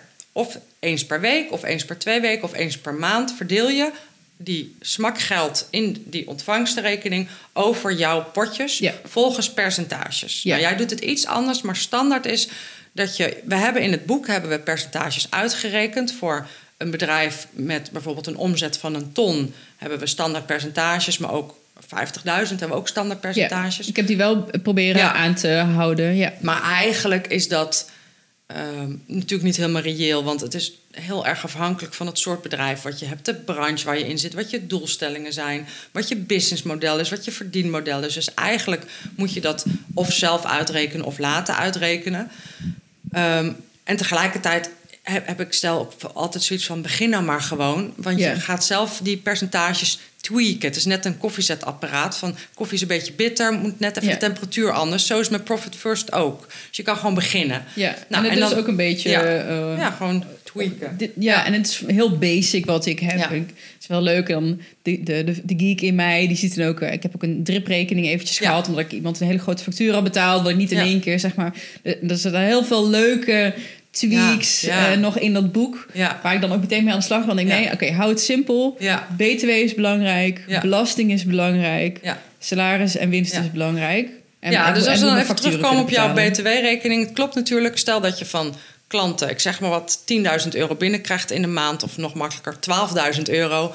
dan is om en nabij 2000 euro, hè, 21 procent, is BTW. Ja, Maar als je 21% van dat bedrag opzij gaat zetten, ja, dan klopt het niet, want je hebt ook nog te maken met kosten. ja. Dus het juiste BTW-percentage is altijd lager. Eh, maar dat moet je eigenlijk, dat is maatwerk. Ja. Eh, dus dan moet je maatwerk uitrekenen wat het is. Of je gaat zoals jij doet, gewoon een beetje tweaken. Nou, dit Ja. was te veel, dit was te weinig. En ik nou, die boeken en daar zat maar 6% Ja, BTW 6%, op. Dus vandaar dat het bij mij redelijk Ja. laag Ja. uitkwam. Dus, ehm, eh, nou, dus de, de BTW gaat eruit en vervolgens verdeel je het inderdaad over winst, salaris, belasting, kosten. Kijk, en het winstpercentage is altijd minimaal 1. Dus in geval van twijfel begin je gewoon met 1. Ehm, maar je kunt het ook uitrekenen op basis van wat je plannen zijn. Ja. Eh, en, maar beter laag beginnen. Dus Ja. als, want als je bijvoorbeeld begint met 10, van heu, leuk systeem. Ja, dan werkt het niet. En dan eh, krijgen we straks onder de podcast allemaal comments van nou. en ik eh, moet natuurlijk ook zeggen, niet. ik, ik begon dit met een niet rendabel bedrijf. Ja, Dus voor mij was dit zo van, een soort van erop geforceerd. ja, Ook om de pijn kenbaar te maken van... hey, ja, als ik inderdaad wil kunnen leven... en Ja. ik woon heel goedkoop, dus ik kan voor 750 euro per maand... ben ik eigenlijk al rond. Ja, Dus dat is een, echt een ontzettende luxe positie Ja. voor een startende ondernemer. Dat ik niet 2000 euro eh, vaste eh, lasten heb. Zo van, oké, als ik dat doe en ik wil echt de BTW en de belasting, zeg maar, niet daar dan een betalingsregeling voor hoeven regelen of schulden hebben, maar dat gewoon echt op, opzij zetten. Oké, als ik dat dus allemaal doe, is mijn kostenrekening, waar ik dus gewoon mijn factuur van heb, eigenlijk nul. ja, Dus, mijn bedrijf is gewoon Nog niet. hartstikke niet. Nee, het is gewoon nog niet rendabel. Dus, Dus, ik zo met, ja, hele, met. Ja, Ja, en dat ja. is echt... Nou, dat doet Ja. er echt wel even zeer. Dat doet wel wat, ja. Ja, omdat je denkt, ja, Ja. maar het lukt Ja. toch allemaal en we helpen mensen Ja. en ik kan mijn, mijn facturen Ja. betalen. En mensen zijn hartstikke blij met wat we doen. Ja. Ja, maar leuk aardig, maar eigenlijk dus niet. Nee, want het is gewoon nog net niet een winstgevend bedrijf. Ja, Nee. ja. dus Ja. nou goed, dat is mijn oude Ja, bedrijf. je oude bedrijf, nu- snap ik. Ja, ja. En ik, hou, ik heb gewoon nog steeds hetzelfde, hetzelfde systeem. Ja, oké, dus dan BTW eruit, minimaal 1% winst. Dan is het standaard idee dat er geld gaat naar een salarisrekening, wat geen privérekening is. En de reden dat dat is, is van, dat moet ook een betaalrekening zijn bij voorkeur. En vanuit die salaris, die zakelijke salarisrekening, eh, maak je iedere maand automatisch een vast salaris over. Dus of dat nou 500 is of 5000, maakt niet uit. Hè? Ja. Dat is van je situatie afhankelijk. En het idee is dat dat salarispotje, eh, dat je daar langzaam een buffer in gaat bouwen. Ja. Dus dat het, de maandelijkse overboeking lager is dan wat daar in dat potje zit. En ik zal je zeggen, het is heerlijk, want ik heb nu drie maanden buffer in mijn salarispotje. Dus ik weet dat ook als er drie maanden niks binnen zou komen, eh, wat, wat eigenlijk op dit moment niet kan, gezien mijn businessmodel. Maar hè, stel dat het gebeurt, kan ik nog wel drie maanden mijn salaris uitbetalen. Ja. Ja, dat is gewoon heerlijk. Ik ben, mijn man en ik zijn samen kostwinner, maar ik ben sinds kort hoofdkostwinnaar. Dus het is niet zo dat salaris voor mij iets is van wat wel een leuk extraatje is. Ja. Ehm, nou, En is het En- zo dat je dan bijvoorbeeld gewoon een bepaald percentage salaris Nee, elke ik- maand doet? Of je, ik heb Nou, gewoon wel een salarispercentage. Dat is bijvoorbeeld volgens mij als je een bedrijf hebt van een ton omzet uit mijn hoofd, dan zou dat 43% zijn, dat salarispercentage. Het kan ook 50 zijn. Ehm, en het, ik, ik heb een vast salaris. En dat Ja. vaste salaris is ook afgestemd op wat we privé nodig hebben en wat Ja. ik privé nodig heb. Ehm, en daarnaast, uit dat salarispotje, gaat ook bijvoorbeeld je pensioen. Ja. Dus ehm, ook daarvoor geldt weer, begin er alsjeblieft mee. Al is het maar, ik heb er toevallig net een nieuwsbrief over verstuurd vandaag. Al is het maar een tientje per maand. En nou, ik heb er een hele nieuwsbrief over gestuurd. Maar ook pensioen is zoiets van, dat, dat is puur gedragsmatig iets wat we veel te lang uitstellen. Omdat onze hersenen het niet interessant vinden, omdat het nog 40 jaar duurt. Ja. Dus pff, kan ooit nog wel eens. Maar het hele idee van pensioen is, de reden dat het werkt, is omdat je vroeg begint en heel consequent iedere maand wat doet, zodat het kan renderen. Ja. Ook. En vooral vroeg beginnen, dat is nog belangrijker. Dus ehm, eh, vanuit dat salarispotje zou eigenlijk ook iedere maand iets naar een pensioenpotje moeten. Nou, in mijn geval heb ik een brand new day. Op, Eh, ja. ja. ja. En dat is een, ehm, dat is een, een ZZP-pensioenachtige rekening. Ja. En dat betekent dat ik daar ook niet meer aan kan komen, maar dat het, het geld wat erin gaat ook nog eens fiscaal aftrekbaar is. Dus het is fiscaal gezien veel aantrekkelijker dan gewoon sparen op een spaarrekening. Nou, maar daar heb ik, eh, dat, dat voert te ver voor nu. En dat potje moet dus groeien. Nou, dan hebben we het derde potje belastingen. Daar gaat dus inderdaad de, de inkomstenbelasting of de vennootschapsbelasting in. En dat is een percentage wat je moet uitrekenen. En ehm, het laatste eh, potje is het kostenpotje. En jij zegt, daar doe ik het restant in. Maar ik heb voor mezelf uitgerekend hoeveel procent ik beschikbaar wil hebben voor kosten. Standaard zegt Profit First 30 procent. Dat is echt aan de lage kant. Ja, dat is echt ik red erg. het niet met 30 procent. En ik wil het ook niet redden met 30 procent. Mijn businessmodel is er niet op gebouwd om met 30 procent rond te kunnen. Eh, dat heeft te maken met dat ik een team heb. Ik wil niet alles zelf doen. Ehm, nou, dat heeft met een aantal dingen te maken. Dus ik heb volgens mij 40 of misschien wel 43. Maar als dat te hoog is, en bij heel veel ondernemers is dat wel 70 of 80 Ja, procent, ik kom ook van een heel hoog dan is het dus zaak om te zorgen dat dat percentage iedere maand ietsjes lager wordt. Ja. En volgens Ja. mij is het dat dat assessment in het boek. Ja. Laat je dat, eh, oh ja, dat is het. Dat laat je zien hoe hoog zijn je percentages nu. Eh, wat, is, wat zijn nu je kosten? per- En dan zie je dat je, ik zat op eh, 60% geloof ik. Zo van, oh, maar het zou eigenlijk 40 moeten zijn. Wil het zeg maar onder de streep Ja. genoeg geld in al die potjes zitten? Ja, Hmm. leerzaam. Ja. ja. leerzaam. Ja. Nou ja, het is vrij makkelijk om zo'n. Je kunt voor jezelf eigenlijk een quick assessment. kun je bij wijze van spreken nu op een, op een, eh, op een post-it papiertje doen. Je kan gewoon over nadenken van. Hey, ehm, kijk bijvoorbeeld even naar vorig jaar. Hoeveel geld is er vorig jaar binnengekomen aan omzet? Schrijf dat eens op. Hoeveel haal ik iedere maand privé eruit? Doe dat 12 maanden. Schrijf dat op. Dan heb je je privépercentage al. Dat kun je op elkaar delen. Uh, wat overigens wel zo is, is dat um, heel veel ondernemers, überhaupt mensen, vergissen zich daarin. Hè? Ik hoor wel eens mensen die zeggen: ik doe niks, ik haal niks uit de zaak voor privé. Ik heb amper salaris. Maar dan ga je optellen wat er allemaal af en toe nog eens gepind wordt uit de zaak. En dan blijkt dat het toch best wel veel is. Hè? Dan worden weer, weet ik veel, kaarsenstandaards bij de blokker gekocht. Ja, dat is in principe gewoon salaris. Alleen lijkt het geen salaris omdat je bij de blokker staat te pinnen met je zakelijke pas. Maar dat is salaris. Behalve als je die kaarsenstandaards voor je zaak nodig hebt. Maar um, uh, wat was ik aan het zeggen? Uh, oh ja, een quick assessment. Dus je, je, je salaris kun je redelijk uitrekenen. Um, kosten kun je ook redelijk uitrekenen. Je kan gewoon op basis van de cijfers van vorig jaar... kun je zien omzet, kosten, fiscale winst. Dus je weet hoeveel kosten je hebt. Je kunt uitrekenen wat het percentage is. Ja. Nou, dan winst hebben de meeste mensen niet voordat ze met Profit First werken, maar weinig. Want je hebt dan wel fiscale winst, hè, volgens ja, want dat is zo frustrerend. De boekhouder zegt aan het eind van het jaar: ja, je had uh, ja. 30.000 euro fiscale winst. Ja. Huh? Ik heb mezelf 30.000 euro nee, uitbetaald. Waar is dat dan? Ja, waar is dat? Ja, waar is dat geld? Dus, dus dat gaat dan toch allemaal weg. Ja. Uh, maar echte winst volgens Profit First betekent echt geld, wat of echt op een rekening staat om nog een keertje iets mee te doen, of wat je echt um, doelbewust hebt gebruikt als winstuitkering. Hè? Want dat is een van de gaafste dingen van Profit First, is de winstuitkering. Ja, die vind ik leuk. Ja, die is leuk. Ja, want je hebt een kwartaal lang gaat er geld in je winstpotje. En aan het eind van ieder kwartaal kijk je hoeveel geld erin zit. En de helft daarvan gaat naar privé als winstuitkering. En de helft gaat naar een andere bank als buffer. Of, ja. ja. Want ik, heb jij, wat heb jij gedaan met je winstuitkering? Uh, nou, nu, we zijn natuurlijk net uh, Q4 is uh, klaar. Ja. Um, ik heb een sleeve die nog niet helemaal af is. Oh ja, is die nog niet af? ja. En ik ga over twee weken wordt het laatste stuk getatoeëerd. Ja. En dat is van je winstuitkering? dat is van mijn winstuitkering. Ja, maar het is toch geweldig? Ja, dat, dat is gaaf. Je bedoelt, de rest van je leven kun je dus kijken naar dit stukje sleeve en zeggen... en dat is mijn winstuitkering. Dat is leuker dan dat je dat denkt van... ja, shit, dat was een lening. Of dat heb ik van mijn creditcard moeten halen. Dat, is, minder leuk. En daar zit echt een stukje mentaliteit, mindset shift. En wat, ja.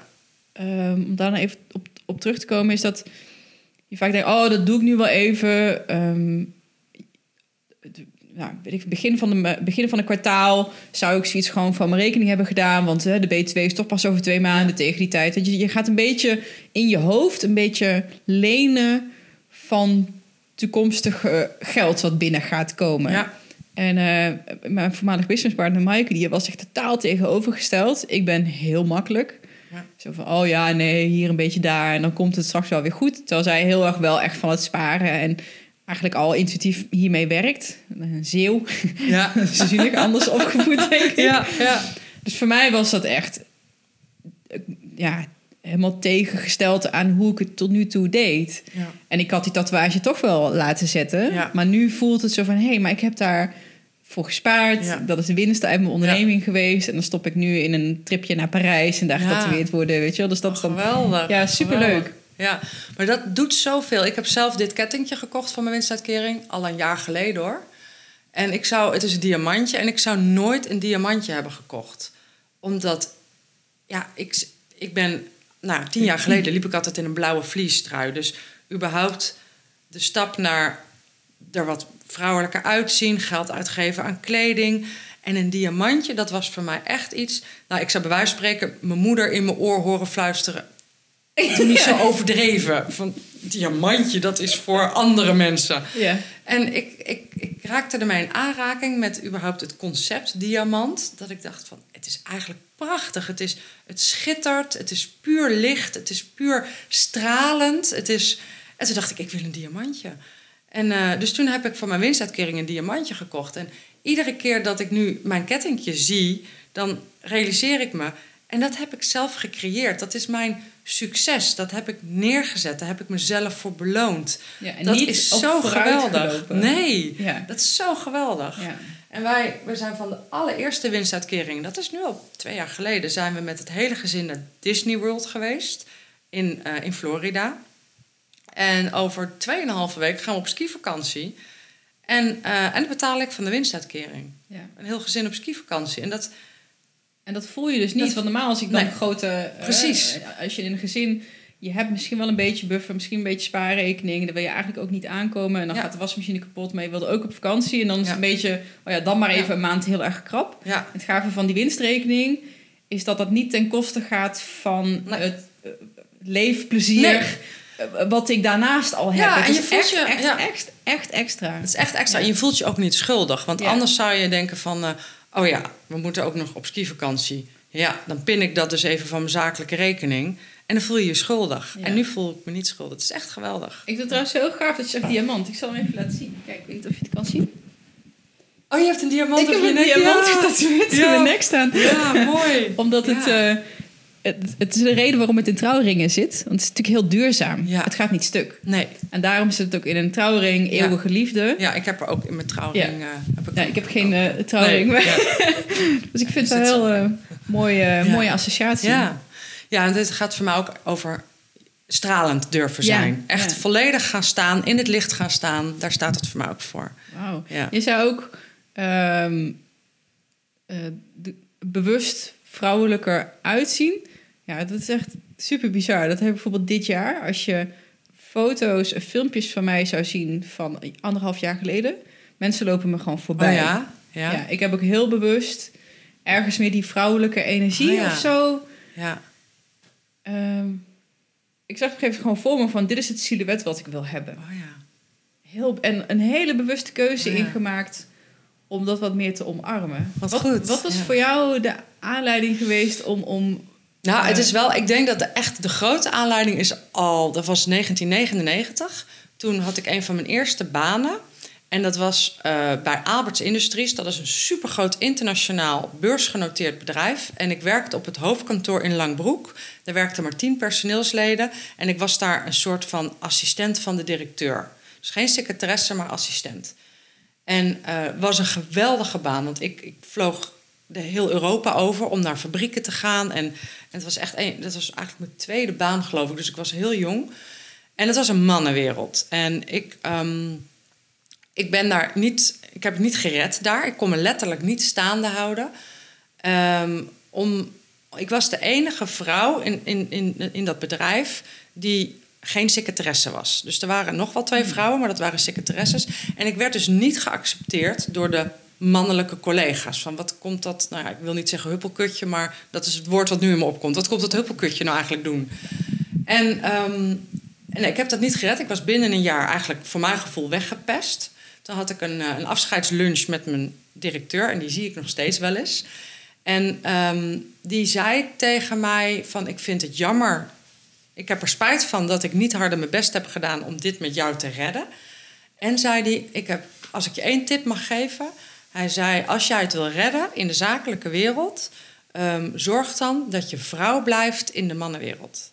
Oh, En dat was voor mij de aanleiding om het vrouwelijke in mij te omarmen... in plaats van te proberen man te worden onder de vrouwen. ja. Ja, dus dat is een hele concreet advies geweest van een directeur van 20 jaar geleden. Ja, Ja. wauw. Ja, Ja, je, ehm, ik denk dat ik ook... Ik weet niet, volgens mij zei Patrick Kikker dat laatst. Je hebt ook gewoon een soort van seksueel kapitaal of vrouwelijk kapitaal. En dat mag je ook best wel inzetten. ja, En niet manipulatief of Nee. eh, om je zin te krijgen. Ehm, maar dat is gewoon wat je meeneemt. Ja. En dat mag je ook gewoon voor je laten werken. Ik denk dat Ja. dat misschien is. En dat hoor ik hier ook een beetje uit. Het feit dat je vrouw bent in die wereld. Je kan het Ja. ook heel erg voor jezelf laten werken. In plaats van dan maar proberen te zijn hoe de ik rest denk dat is. dat het is. En ik denk dat je dus... ehm, dat, het, dat het mensen... Op het moment dat, dat je jezelf bent als vrouw... dan word je denk ik ook veel makkelijker geaccepteerd door mannen... dan dat je probeert je aan hen te meten. Ja. Dus ik denk dan dat dat... word je comp- competitie. dan word je competitie. Ja.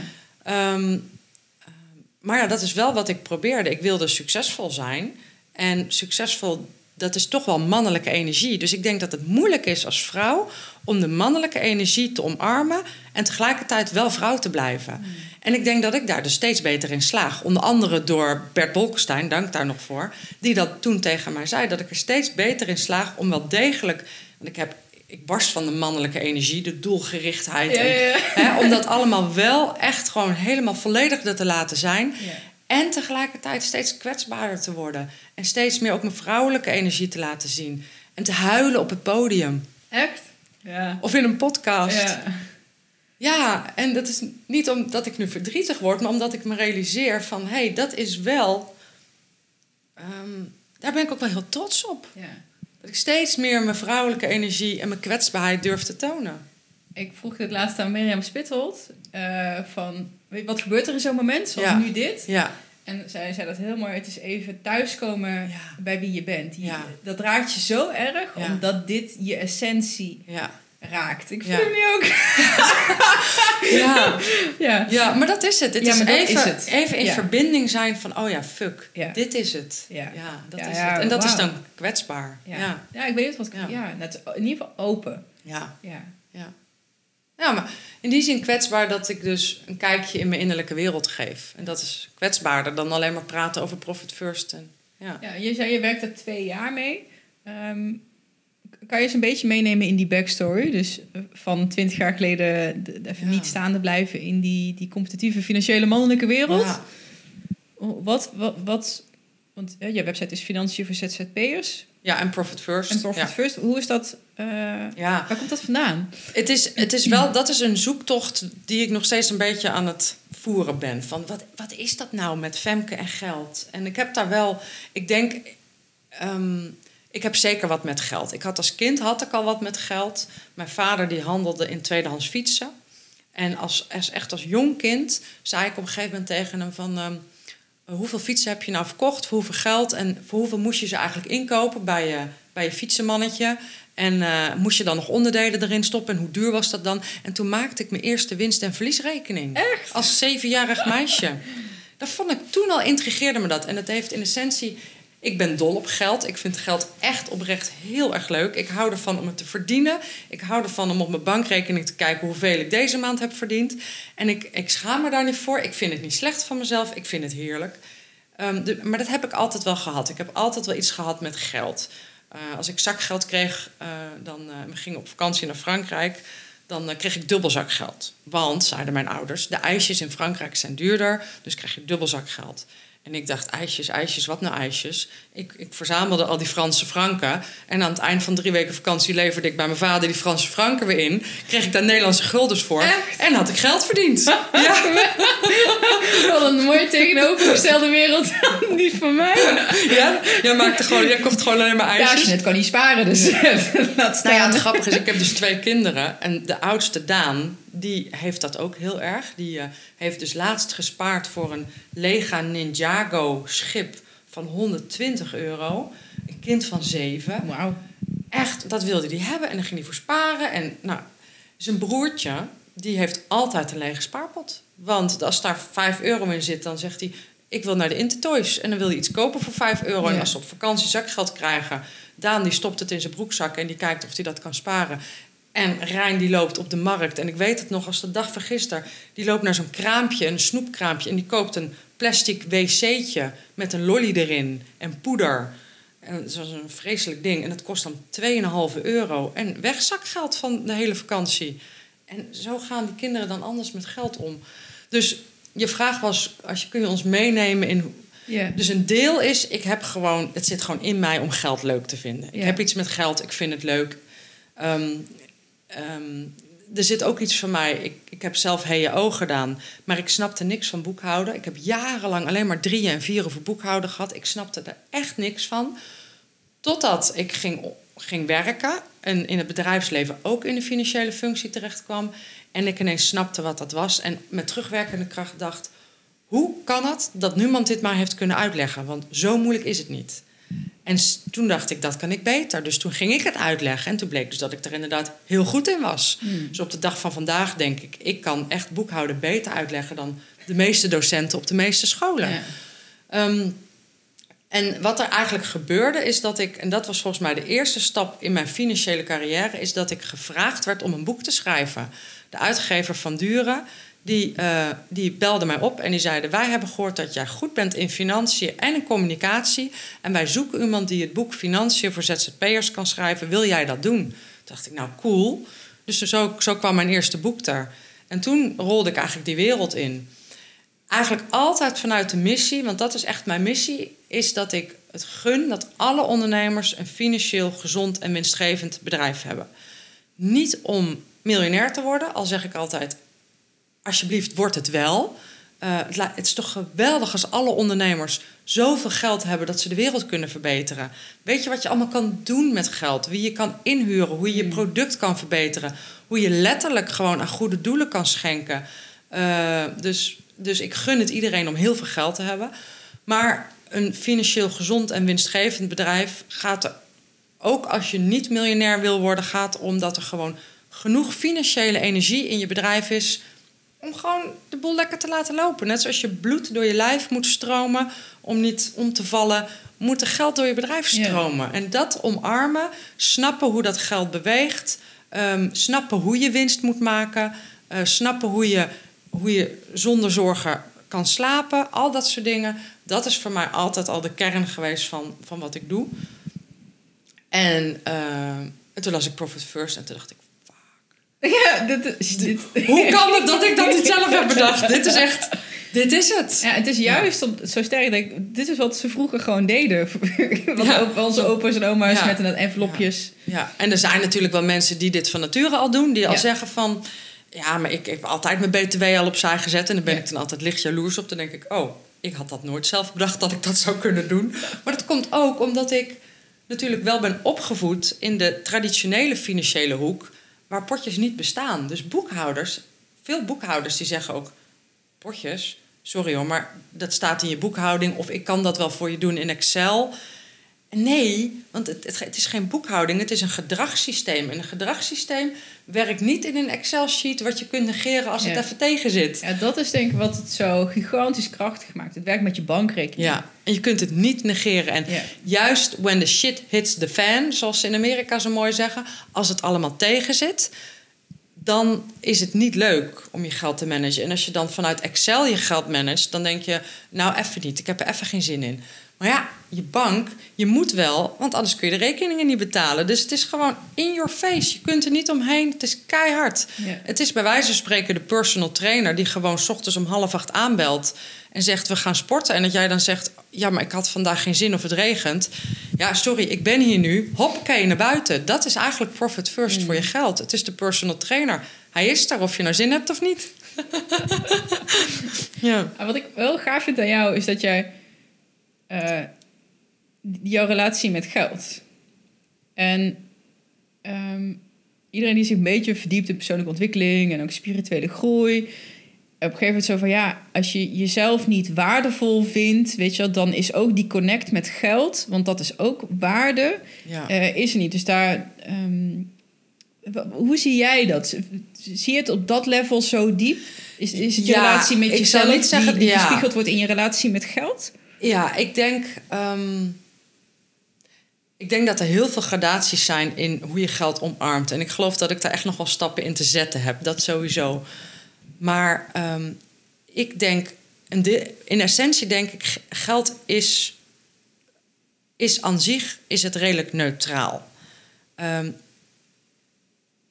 we hebben allemaal geld nodig. Want heel simpel, bij de Albert Heijn doen ze niet, het niet voor... Uh, ja, maar ik help. Ik heb gisteren nog iemand geholpen. Daar zal de cashier van de Albert Heijn echt, echt verder niet zoveel van vinden. proberen, ja. ja. Ik heb gisteren nog iemand geholpen. Nee.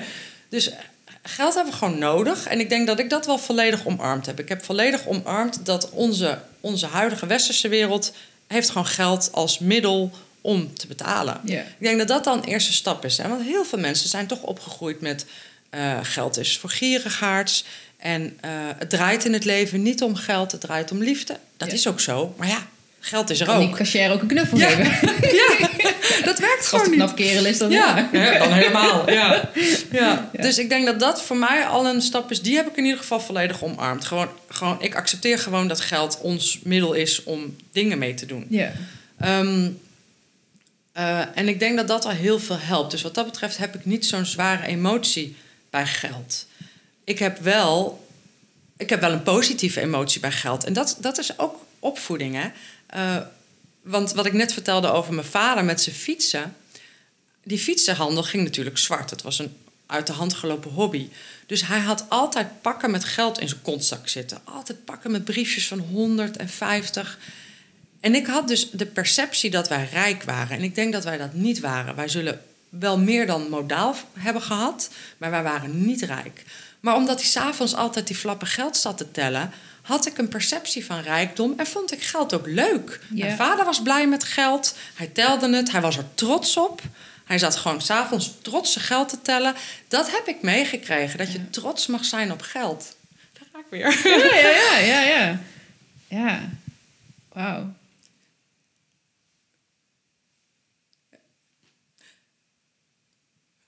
Mijn vader leeft niet meer, dus dat speelt ook mee. Maar dat is ook, ehm, ik mag trots zijn op geld.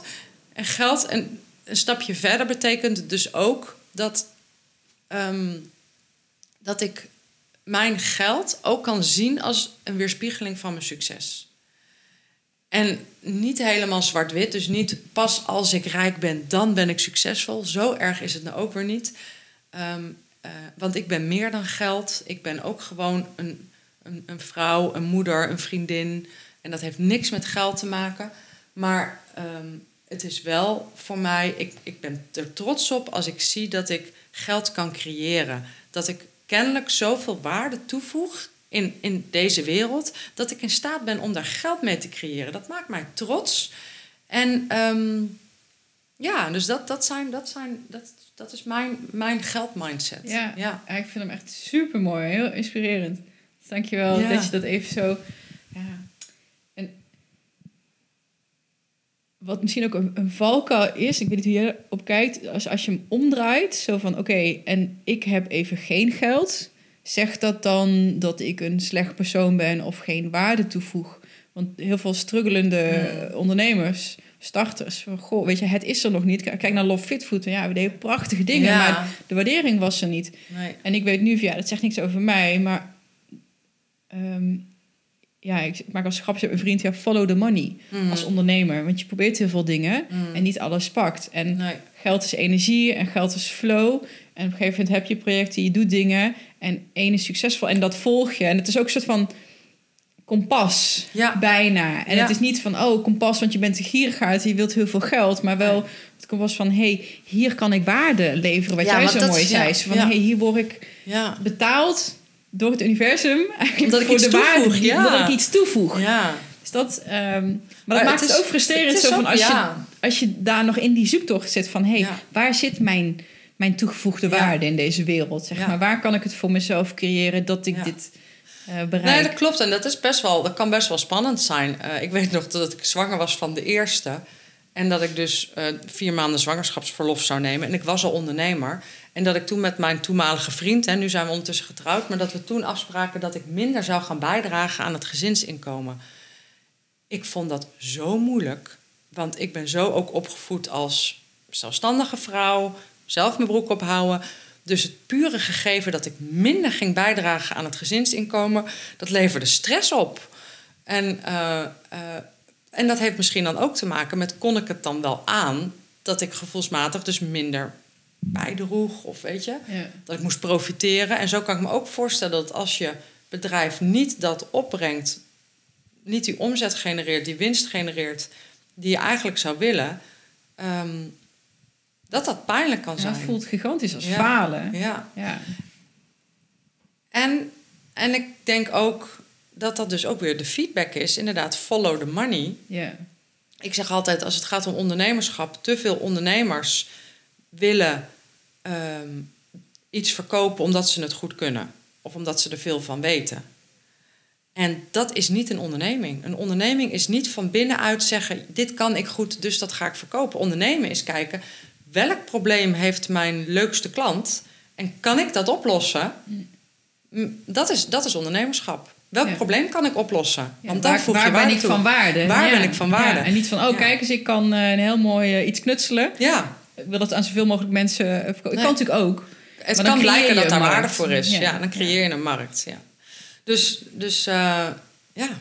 En wat, ik vind het echt een heel mooi voorbeeld om die, dat verschil bij je kinderen te zien. Ja. Om even een bruggetje maken naar Ja. Profit First voor, voor privé. ja. Ehm, hoe zou je zo'n positieve money mindset aan je, aan je kinderen mee kunnen geven? Wij hebben dat heel, heel goed gedaan, vind ik zelf. Daar ben ik heel trots op.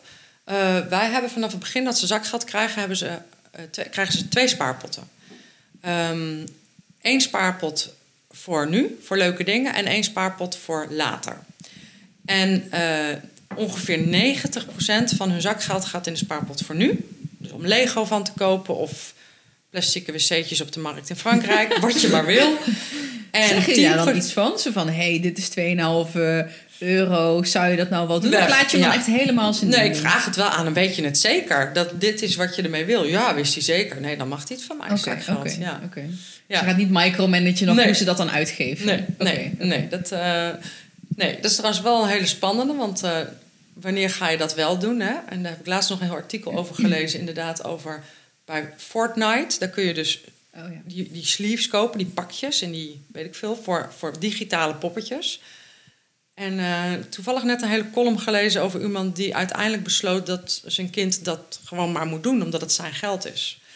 Uh, en hoe ver ga je daarin? Wanneer zeg je tegen je kind: Ik vind het echt zonde van je geld? En wanneer zeg je: Joh, het is jouw geld. Dus ik denk dat daar niet één antwoord op is en dat dat zoeken is. Maar voor het zakgeld tot nu toe hebben wij gezegd: 90% mag je helemaal zelf weten. En 10% gaat in een, uh, in een spaarpot voor later. Dat, die ziet er ook uit als een kluis. Nou, het eerste zakgeld wat ze kregen was een euro. Voor het gemak maakte ik daar 1,10 euro van. Dus een euro voor de gewone spaarpot en 10 cent in de kluis. En dat doen ze eigenlijk heel trouw. Ook de jongste, die doet dat heel trouw. Die vraagt iedere keer weer hoeveel moet er in welke spaarpot. En dan zeggen we dat moet. En dat is voor mij. Is dat een eh, fysieke spaarpot? Ja, gewoon, een fysieke eh, spaarpot. Uh, een, een ja. uh, Oké, niet digitaal. Nee, gewoon thuis spaarpot. een potje. Ja, okay. ja. En dat schiet dus helemaal niet op, hè, want er zit er in die kluis, gaat er iedere week 10 cent in. Dus er zit een paar euro in na een paar, paar weken, paar maanden. Maar het gaat er ook niet om dat het opschiet. Het gaat erom dat ik ze eigenlijk nu al wil leren. Wat gebeurt er als je 10% van je inkomen structureel opzij zet? Omdat ik me op een gegeven moment realiseerde. Hoeveel geld had ik eigenlijk gehad als ik vanaf oh. het begin. Ja. Let's, let's, not go there. Ja. maar dat is wel, ja. En dat is wat ik mijn kinderen wilde, wil leren. Ja. om 10% structureel opzij te zetten. Dus daar, daar, dat vind ik heel, heel tof, om dat uh, systeem van twee spaarpotten te hebben. Ja. Uh, en we proberen ze ook dingen te leren over, uh, over geld en over ondernemerschap. En ze weten nou dat papa in loondienst is en mama ondernemer. En, ja. Ah, en ik denk dat het voorbeeld van je vader die dan dat, trots dat geld zit te tellen dus kijk nou hoe het bij mij thuis ging. We waren ook absoluut zeker niet rijk. Mijn vader had gewoon een uh, loondienst. Mijn moeder was uh, huisvrouw. Die, die had dan bijbaantjes, die dan thuiswerk. Ja. Um, uh, nou, altijd, altijd wel bezig. Maar het, het, was altijd een gedoe, weet je. Geld werd ook altijd benoemd. Ook als ze dan de deuren open lieten staan, weet je. Oh, kijk, daar gaan weer een paar dubbeltjes, oh, die rollen naar buiten. En er zijn er meer van die spreuken die we dan kregen. Maar ook ja, wie voor een dubbeltje geboren is, zal nooit een kwartje worden. Nou, dat is ook wel een, een, een, heftige. een beperkende overtuiging die, uh, die even mocht wegpoetsen. Ja. Ik denk, er zijn zulke... Je kan zoveel meegeven in hun eigen gedrag, hun eigen overtuigingen, onbewuste overtuigingen over geld en hun relatie met geld. En dat draag je één op één natuurlijk over op je, op je kinderen. Ja. En uh, ik vind geld niet iets vies, maar het is wel inderdaad... Uh, worden als gierig haar. Weet je wel? Die, oh, die zijn gierig. En uh, mijn moeder was cashier bij de Aldi. Weet je wel? Dan kwamen die rijke lui. Die kwamen dan daar gierig, goedkope boodschappen doen. Nou, die moesten dan maar ergens... Weet je wel? Dus je geeft onbewust volgens mij zoveel mee. Zoveel boodschappen mee. Oh ja. mijn god. Ja. Ja. nou, ik neem ze niks kwalijk hoor.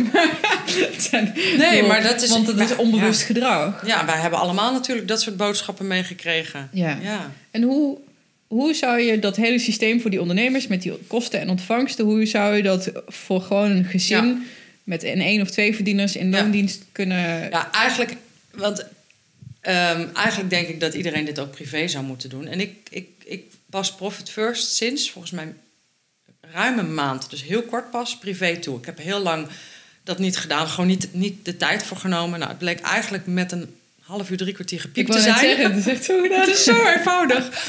Maar ja, hetzelfde idee gaat natuurlijk op. En um, het is ook niet een systeem wat helemaal nieuw is. Hè. Ik bedoel, uh, het, het, oranje Brabantia-blik, dat bestaat al 100 jaar of 80 jaar.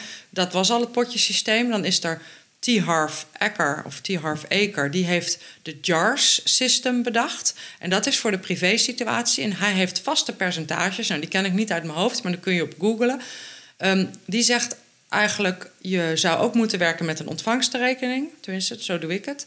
En dan gaat bijvoorbeeld 50% gaat direct naar een necessities account. Of in Nederlandse woorden huishouden, vaste lasten. En vaste lasten zou echt alles moeten zijn van boodschappen, hypotheek of huur. Uh, maar ook zelfs vakanties en uh, shampoo en al dat, dat zou het allemaal moeten zijn. Uh, persoonlijk denk ik dat je voor vakanties misschien juist een spaarrekening moet maken. De helft. De, oh, wauw. Ja, dan zouden voor... heel veel mensen loonsverhoging willen als ze nog maar de helft dan daarvoor zou kunnen. Ja, maar voor heel veel mensen is de helft niet genoeg. Hè? Veel mensen hebben wel ja, 60%. Precies, die, uh, precies ja. nou, dan moet ik meer verdienen. Even ja. mijn baas aankloppen van, hé, hey, dat is dan te weinig. Ja, nou, en dan zou uh, volgens mij 10% naar een education potje moeten, omdat je altijd moet blijven ontwikkelen en groeien. En als je ondernemer bent, uh, ik betaal mijn. Uh, ik, heb een, ik heb ook een opleidingenpotje als Profit First potje. Dus het is gewoon een extra potje. Waar iedere maand een vast bedrag in gaat vanuit mijn kostenpotje. Uh, dus ik heb privé geen education potje, want ik betaal eigenlijk bijna alles zakelijk. Ja. dan zou je een potje moeten hebben. Ik spiek even, ik had het net even ja. opgeschreven. Um, sparen, korte termijn sparen. Um, het zou volgens mij ook 10% moeten zijn. En het idee is dat je altijd tegenvallers hebt. De wasmachine die stuk gaat, verzin het maar. Dus korte termijn sparen 10%. Dan fun, volgens mij. En zou je dat dan ook aftoppen? Ja, dat zo, zo, zo, zo, expert ben ik daar oh, nog okay, niet in. Oké, okay. nee. maar ook uh, ja. als ik kijk, ik heb nu een buffer. Ik heb 5000 euro oh, buffer. Ja. ja. En dan denk ik, oh, moet ik dat nu 10.000 euro van maken? Of dit gewoon aftoppen en een ander potje verder gaan sparen. Of, ja, in mijn geval, ik zou weer gewoon moeten starten met aflossen natuurlijk. Ja. maar dat wil ik dan weer niet. Nee, dit is echt mijn Stel dat alles omvalt, ja, dan kan ik nog even... Weet je, dan hoef ik, sta ik niet meteen... Nee, sta je niet meteen op straat. Ja, maar het is natuurlijk... Dus iedereen moet hebben zo'n buffer. Eigenlijk van minimaal drie maanden om alles te kunnen betalen. Ja, dat is een beetje de standaard, toch? Als je, ja, of zes, ja. Drie tot zes maanden. Ja. Dat zegt Michael Platje volgens mij ook in zijn... Uh, als, het, of, als je het over geld heeft. Iedereen zou... Of je nou ondernemer bent of niet... zou eigenlijk zes maanden... Ja. Uh, door moeten kunnen. Door moeten kunnen. Ja, ergens in een kluis. Ik merk het ook, hoor, want ik, ik, ik zie ook, ook in mijn bankieren-app... Ik, ik zie die andere rekeningen niet. Ik heb dat uitgezet. Ja.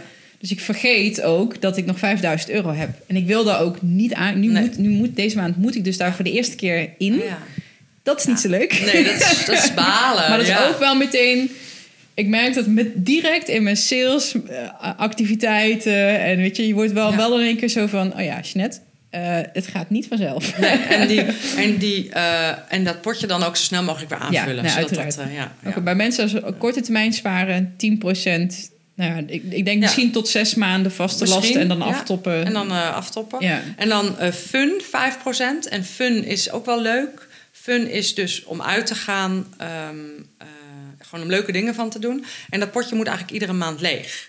Zodat oh. je jezelf ook verplicht om ook nog leuke dingen te blijven doen. En niet altijd alleen maar werken of saai. dus um, fun. En uh, geven, dus goede doelen. Mm. En dat is ook heel leuk om een potje te maken. Uh, Beryl is een van mijn klanten, Beryl Kutluwer, die zegt: je zou een goede doelenpotje moeten hebben waar gewoon geld in zit. Dat geld is dan al gelabeld voor dat goede doel. En um, dan betekent het dat je vanuit daar in vrijheid kunt geven. Dus dan zegt ze, stel dat je bijvoorbeeld een zwerver tegenkomt die om wat voor reden dan ook graag eens een keertje 25 euro wil geven in plaats van 1 euro, dan kan dat, want dat is er gewoon dat geld. Mm. Of als je vriend gaat, uh, een marathon gaat lopen voor kanker, uh, dan kun je hem gewoon flink sponsoren, want dat geld is er al voor gelabeld. Um, dus, dus 5% of 10%, dat weet ik niet, geven. Uh, en ik heb zelf een potje gemaakt voor health. En dat is sporten en gezonde voeding. Uh, niet als in uh, tomaten, want die koop ik gewoon van de huishoudportemonnee. Maar gewoon, gewoon dingen die ik los daarvan wil kopen. Reepjes, ja, supplementen, of poeder of supplementen. Ja, ja. hoe heet dat? Vitamine, dat soort dingen. Heb ik een apart potje voor. Eigenlijk ook omdat ik geen idee had hoeveel daar nu heen ging. En ik dacht best wel veel. Dus ik dacht, Ga er heb je aparte uh, pinpassen van die rekeningen? Dat lijkt me... Als ik nou, daar, volgens mij doe ik daar iets nog niet helemaal goed in. Maar ik ben dus ook nog een beginner met Profit First voor privé. Ik merk nu... Oh ja, en ik heb een kledingpotje gemaakt. Oh ja. Dat werkt heel goed. Volgens mij, want ik zit ook privé bij KNAP.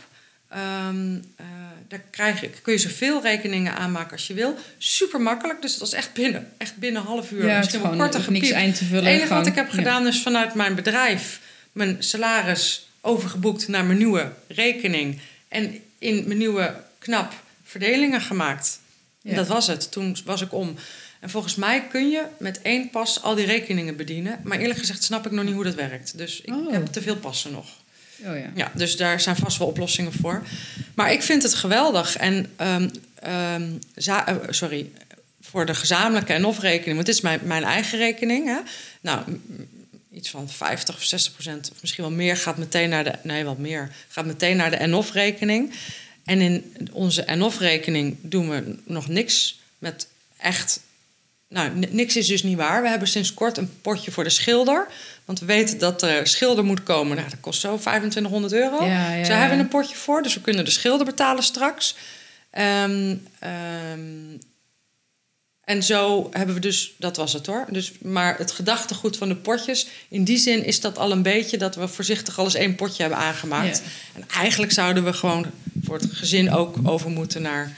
En, en, en, en voor- ik kan me voorstellen als je nu zit luisteren en denkt, huh? Maar al die, eh, wat het zo sterk maakt, is dat je alles wat je, die potjes uit het oog is, eh, uit het zicht is, uit het Ja, hart. uit het oog is uit het hart. Ja, Ja, is even en zo dat van. werkt echt. Het werkt, omdat je ja. dus alleen maar kijkt, omdat ik, weet je wel, normaal blijft dat geld voor die schilden of wat dan ook, voor je kleren en je health, alles blijft op één rekening. En dan Ja. reken je zelf een beetje Ja. rijk. Ja, En is, ja, ik, ik had niet gedacht dat de impact zo groot zou zijn van het feit dat dat op een rekening staat waar, die ik niet dagelijks zie. ja dat, is echt, dat heeft echt impact. En je vergeet op een gegeven moment ook wat er staat. Dus dan is het letterlijk uit het oog, uit het hart. En wat mij dus gebeurt, is ik reken voor mezelf een paar keer per jaar uit hoeveel belasting ik moet betalen.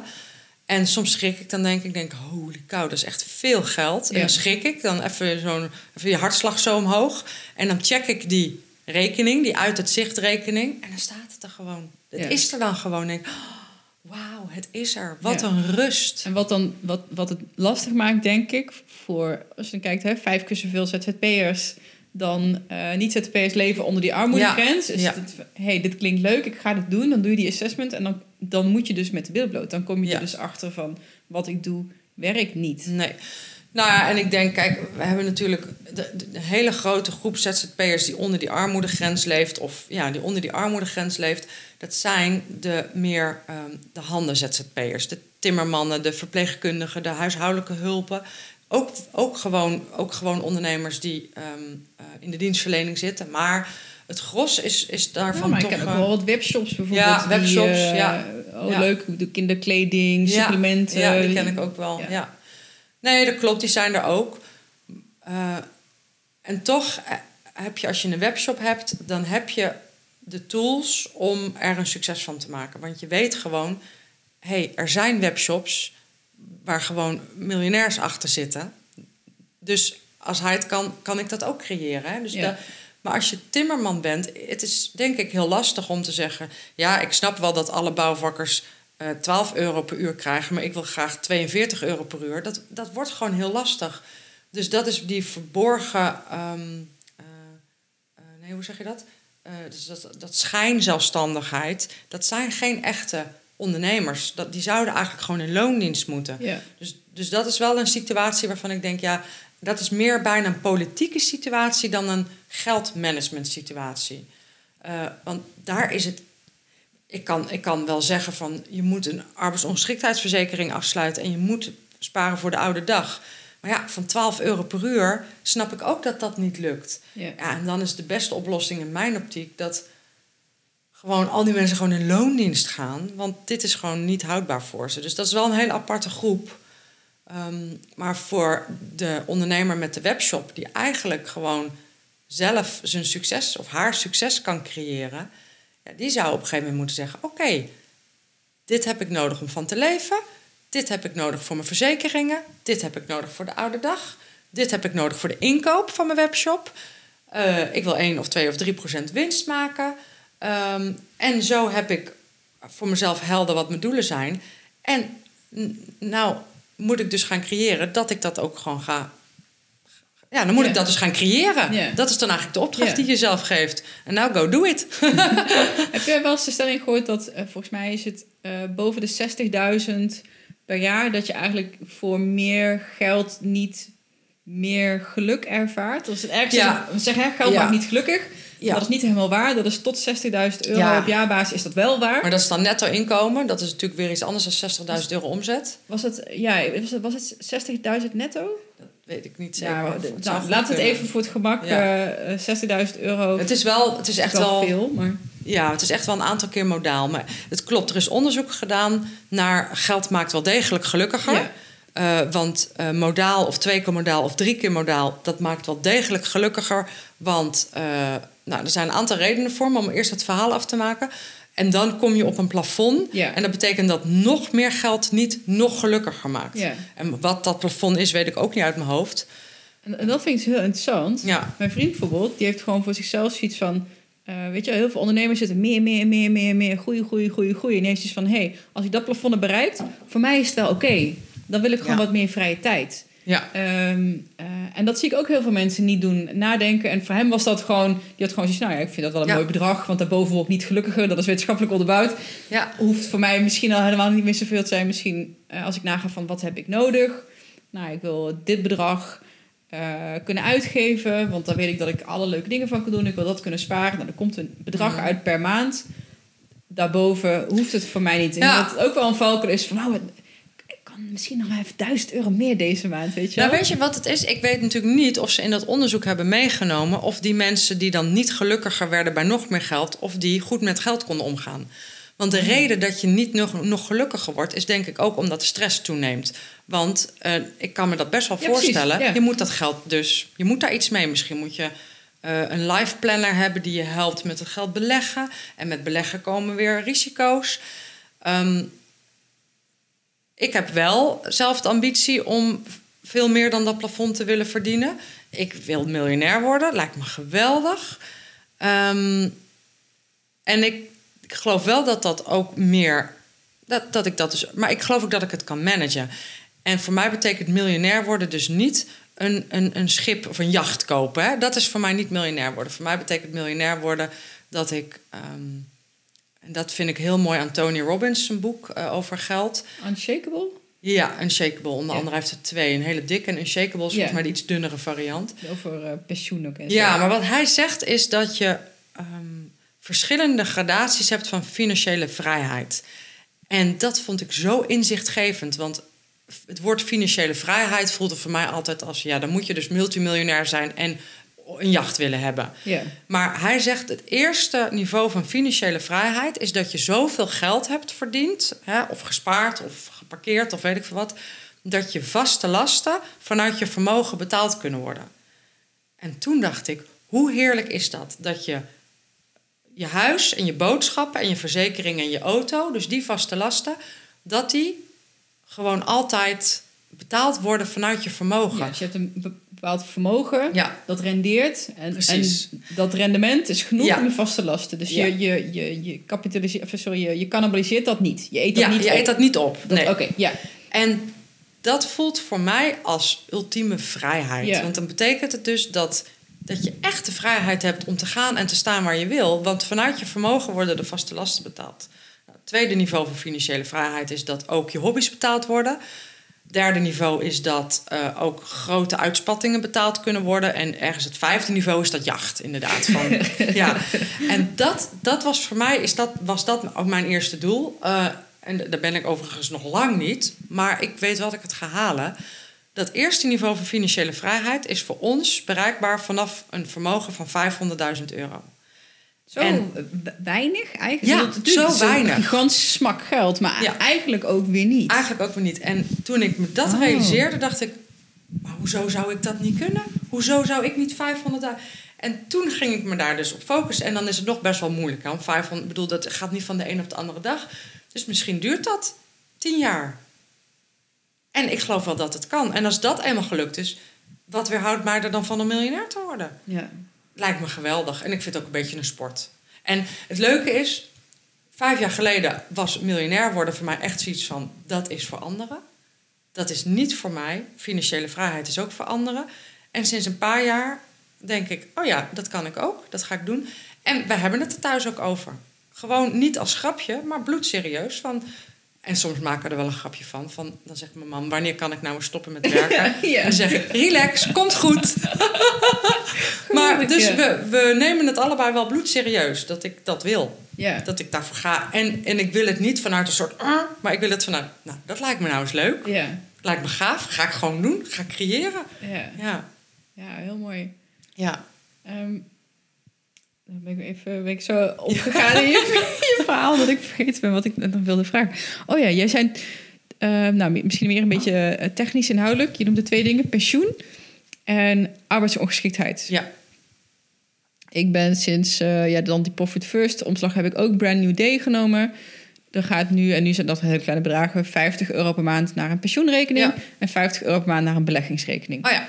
Gewoon om te Ja. kijken van wat doet dat, wat Ja. voor verschillen in rendementen. Gewoon als soort van slim. leuk experiment. Ik, ik wil heel graag naar 200, 250 euro per maand, zeg maar, eh, standaard daarin. Ja. Ehm, maar ja, is pensioen nog relevant? En hoeveel moet je er helemaal aan sparen? En straks worden we 120 Ja. en je stopt op je...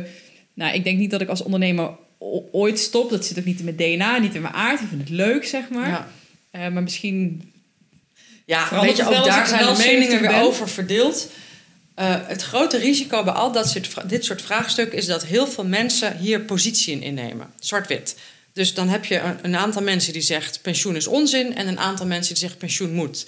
En ik denk, waar ik in geloof, is ik geloof in het grote grijze tussengebied. Ik, ben, ik hou niet zo van zwart-wit posities innemen.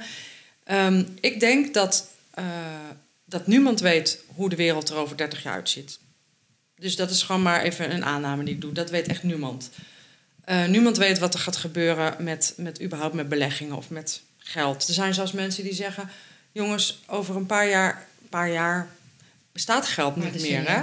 Hè? Dus een paar decennia. Dus ehm, je kunt beter maar zorgen dat je geen geld meer hebt, maar nou, whisky. Whisky schijnt ook een beleggingsvariant te zijn. Ja, whisky en bo- Ja. bomen volgens mij ook. Bomen, nou Ja, ja, wie weet, ja. Eh, of gewoon goud. Ja. Nou, dus er zijn miljoenen meningen over. En ik weet het antwoord ook niet. Ik denk wel dat er in alle realiteit een moment komt waarop ik misschien niet meer kan werken. Hè? Op een gegeven moment word je volgens mij gewoon te oud. Dat Ja. zie ik bij mijn eigen opa en oma. Er was gewoon een moment dat ze gewoon te oud waren. En dan kun je vertrouwen op de AOW, de Algemene Ouderdomswet. Maar die is maar 2000 euro per maand bruto als je in je eentje bent. Zoiets. Dat is geen vetpot. Ehm, en wie weet is dat er dan ook niet meer. Dus ik geloof wel dat het verstandig is om pensioen op te bouwen. Dus ik bouw pensioen op. Wij hebben een financial planner in de arm genomen... die met ons heeft doorgerekend eh, hoeveel, hoeveel geld we dan nodig zouden hebben... en wat Ja. ons pensioengat is. Nou, ik had echt een pensioengat van hier tot Tokio... want ik heb tien banen gehad en daarna ben ik op tien jaar ondernemer. En ik was ook zo'n ondernemer die zei: Ja, dat komt wel een keer, Ja. niet nu, nu even niet. Ja. En eh, dus ik vond het best wel confronterend, want ik geloof dat ik op dit moment 750 euro per maand aan pensioen betaal. ja. Eh, Dat is flink. eh, dat is een hoop geld. ja. En, ehm, maar dan, dan ga ik mijn pensioengat ook wel dichten. Ja. Dus dat is het goede nieuws. Ja. Ehm, het is wel grappig, want ik zit aan te aarzelen. Ga ik dit bedrag noemen? Waarom wel, waarom niet? Nou heb ik het genoemd. Ik weet niet of ik het al eerder zo hardop heb genoemd. Dus bij deze. ja. Primeur. En, eh, ehm, en tegelijkertijd zijn er ook heel veel mensen die zeggen... nee, maar als je ondernemer bent... moet je zorgen dat je bedrijf verkoop klaarmaakt... en dan ga je je bedrijf verkopen en dan is dat je pensioen.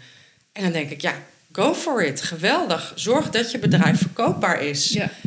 Maar wet nou niet op één paard. Hè? Hmm. Dus doe dan en je bedrijf en je pensioen. En dan tot slot, er zijn natuurlijk nog heel veel varianten... zijn er ook heel veel mensen die zeggen... nou, de enige manier is vastgoed. En ik denk, nou, daar zie ik wel wat in. Grond, vastgoed. Het lijkt mij persoonlijk geweldig om een keertje iets te kunnen kopen. Ja. Eh, dus dat is ook wel een van mijn mensen om ooit te kunnen zeggen... en ik, ik ben een groot grondbezitter of een Ja. klein grondbezitter. Of, lijkt me geweldig. Ik vind het zo eh, ook weer zo bijzonder om te merken. Een, een, een ex-collega van mij, die eh, mijn leeftijd, die heeft zijn eigen appartement gekocht. En nu met, met zijn vriendin een tweede appartement puur om te verhuren. Ja. En hij is echt een lange termijn denker. Zo Ja. van nee, maar over 15 jaar is het afbetaald, weet je wel. Dus die, en dan kijk ik weer naar mezelf en denk, oh man, ik ben prototype geweest van iemand die puur voor de instant gratification gaat en heel impulsief. En oh, dat zie ik over 10 jaar, Ja. over 15 jaar wel weer. En nu, ik ben nu 38, Ja. denk ik van, en misschien is het ook wel gewoon tussen je 35 en je 40ste, dan, dan, wordt, dan wordt het in één keer heel erg relevant. Ja. Want dan voelt het in één keer alsof het helemaal niet meer zo ver weg is. Nee. Zo van, oh ja, maar wacht eens even. 15 jaar is zo voorbij, want ik was net nog maar 20. Ja. En nu, weet je wel, was ik ineens 35. Ik denk, oh, en zo gaat dat straks ook. En Ja. het is wel heel erg fijn om dan te weten dat je over 15 jaar... Want als je heel jong bent, denk je, ja, jezus, over 30 jaar, nou dat zie ik dan wel weer. Dat perspectief had ik helemaal niet. Nee, klopt. En nu in één keer wel, nou, omdat je het hebt meegemaakt, oh, het is zo voorbij. En ik ga dus nog een keer zo'n sprong van 15 jaar maken. Hoe fijn is het als ik dan iets heb Ja. zoals hij in dat, dat appartement Ja, wat te verhuren ja, is, wat wel een soort van zekerheid Ja. eh, biedt. Dus bij mij is het echt nu pas relevant, weet je wel?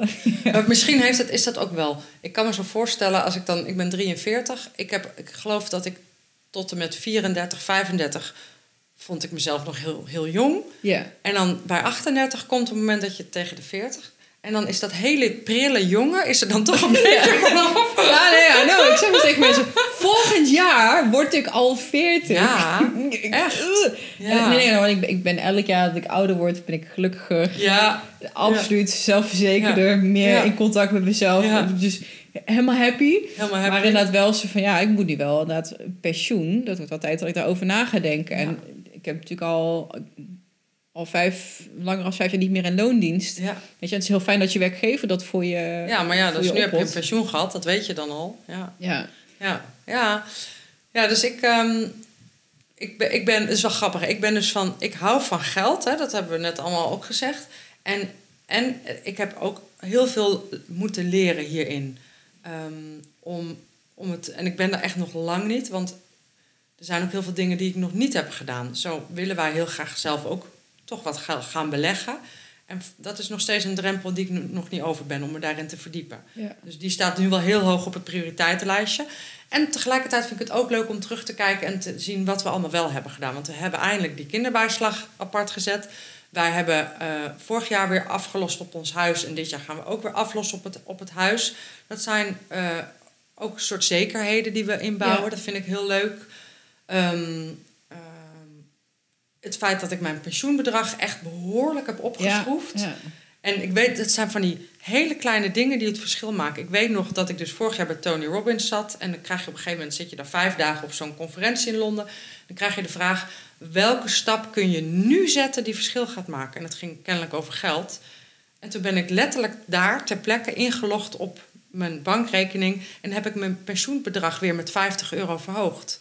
En dat is nu nog steeds. Ja. Dus weet je, dat is, je moet het gewoon doen op een gegeven moment. En dat was op dat moment, weet je, jij zit nu op, wat zei je? Je zit op 50? Eh, 100, 100 in- euro. In, in, totaal. ja, dus ergens volgende maand, als het geld weer een beetje stroomt, zit het dan nog 110. ja. Nee, weet je, ja. dat zijn van die hele kleine tweetjes die wel door blijven tellen. Ja, en dat lange termijn perspectief, wat ik een gigantische eye-opener in Unshakable vond, was dat hij heel veel berekeningen terug liet komen van, en dit is wat rente cumulatief Ja, doet. En dit Ja. is dus ook waarom je moet eh, shoppen naar lagere commissiekosten Ja. bijvoorbeeld. ja want dat Eh, hakt er keihard in. Ja, want eh, nou, twee personen, ze doen alle twee eh, 100 per maand, zeg maar. Maar bij de ene heeft hij eh 2% rente en bij de ander 2,2% Ja. rente. Lijkt En dan- niks. En dat lijkt echt niks, maar als je dat Ja. over 25 jaar bekijkt, dan zegt Ja. wat? Ja. Dat, is, eh, dat had ik nog nooit zo... Nee, dat is echt een aantal bizar. keer komt dat terug. Ja. Wow, shit. En ook, Ja, ook van die voorbeelden van... stel dat je bijvoorbeeld, even om een makkelijk getal te nemen... stel dat je in je leven 100.000 euro wil inleggen. En je begint op je 18e... en die 100.000 euro verdeel je over alle maanden... van je 18e tot je 50ste bijvoorbeeld. Ja. En dan leg je 100.000 euro in en dat... En dat vergelijk je met iemand die ook 100.000 euro inlegt... maar op zijn 40ste begint. Dat verschil is gigantisch. Want dat stuk wat ge- gerendeerd heeft tussen 18 en 40, wat dus niet kan renderen bij die persoon die op 40 begint, Ja. dat rendeert zoveel langer. Ja. Dus ja, dat zijn echt bijzondere voorbeelden, ja. Ik zag het laatst volgens mij, nou, zelfs op Instagram, zo'n grafiekje over dat, hoeveel procent van Warren Buffett zijn eh, vermogen is gecreëerd na zijn vijftigste of zo. Oh, En dat is ook die, die, die ontzettende curve van cumulatieve rente. Het is niet dat hij nu zoveel meer Nee. goede deals doet, maar Nee. hij heeft gewoon zoveel Ja. Eh, vermogen op vermogen op vermogen. Ja. Ja. Oh man, dat Ja. is ja. Ook wel weer zo, oké, net nu beginnen. Ja. Dan is het maar Ja, 50 dat zijn van die euro, kleine 100 euro per dingen. Begin gewoon nu. Ja. Ja. en, en er dus ook niet van lenen. Dat Nee. zie ik ook veel mensen doen. Eh, en daarom wilde ik ook niet in dat, die, die 5000 euro potje Nee. komen. Zo van, nee, laat dat staan. Ga Ja. gewoon, word creatief. Ja. Ga op dieet. Ja. Zo van, kom, dieet. kom daar niet aan. Ja, precies. Ja, geld is een bijzonder ding. Omdat ik denk, heel veel mensen hebben toch ook wel wat moeite met geld. En komt het van wat we net bespraken, al die eh, boodschappen die we misschien in onze jeugd meekregen. Van als je voor een dubbeltje geboren wordt, word je nooit een kwartje. Wat de boodschappen ook waren. Best wel nasty als je erover Ja. nadenkt. En pijnlijk ook, want het is, gewoon, het is gewoon natuurlijk niet waar. Want er zijn gewoon mensen die wel degelijk die stap zetten. Dus Ja. het is best wel... En ik denk dat iedereen dat soort boodschappen heeft meegekregen. Ehm, ja. Ik, eentje die, ik weet niet of ik hem zo letterlijk van mijn ouders heb gekregen... maar eentje die bij mij heel erg speelt... en vandaar ook dat volledig stralen met dat diamantje... is toch een beetje wie ben ik om? Wie ben ik om Op een podium te op gaan een podium te staan, staan? boek te schrijven. Boek te schrijven, rijk te worden. Ja. Ja, wie denk ik nou wel niet dat ik ben? Dat is toch het. het ja. Dus dat, ja, dat is heel onhandig, zulke gedachten. Ja, ik, ik, ehm, ehm, ik, ik zie het vaker terugkomen in de mensen die ik interview. Sommigen gebruiken ouderschap, sommigen gebruiken geld. Eh, ik zelf gebruik het ook in relationele zin, op het liefdesvlak. Het, het zijn allemaal tools om te kunnen groeien als persoon. Want je komt dit soort dingen Ja. van jezelf tegen. Zo van, hé, hey, ik heb een overtuiging, wie ben ik nou? Ja. Weet je, maar dat heb je ook met je kinderen misschien. Zo van, dat, je, dat je dat daar dan in terug kan zien. En, eh, en dan wordt het ineens een heel leuk spelletje. Zo van, hé, nou, eens kijken wat er nog meer allemaal Ja, aan... wat er eh, allemaal, wat er allemaal mogelijk is. Ja. wat ik nog ja. kan oplossen. En, eh, En dat is dus wel een beetje wat ik, wat ik zelf heb ervaren met geld. Ik vond, enerzijds vond ik geld dus heel leuk, maar het managen van geld is ook niet altijd mijn sterkste kant geweest. Door gewoon kleine stapjes te zetten. En die stapjes hoeven maar een half uurtje van je tijd te kosten. Want als je namelijk vandaag besluit, nu moet ik alles op orde hebben. En het is een project van tien dagen, dan is dat weer zo'n hoge bult dat je denkt, ik, heb er helemaal, ik begin er helemaal niet aan.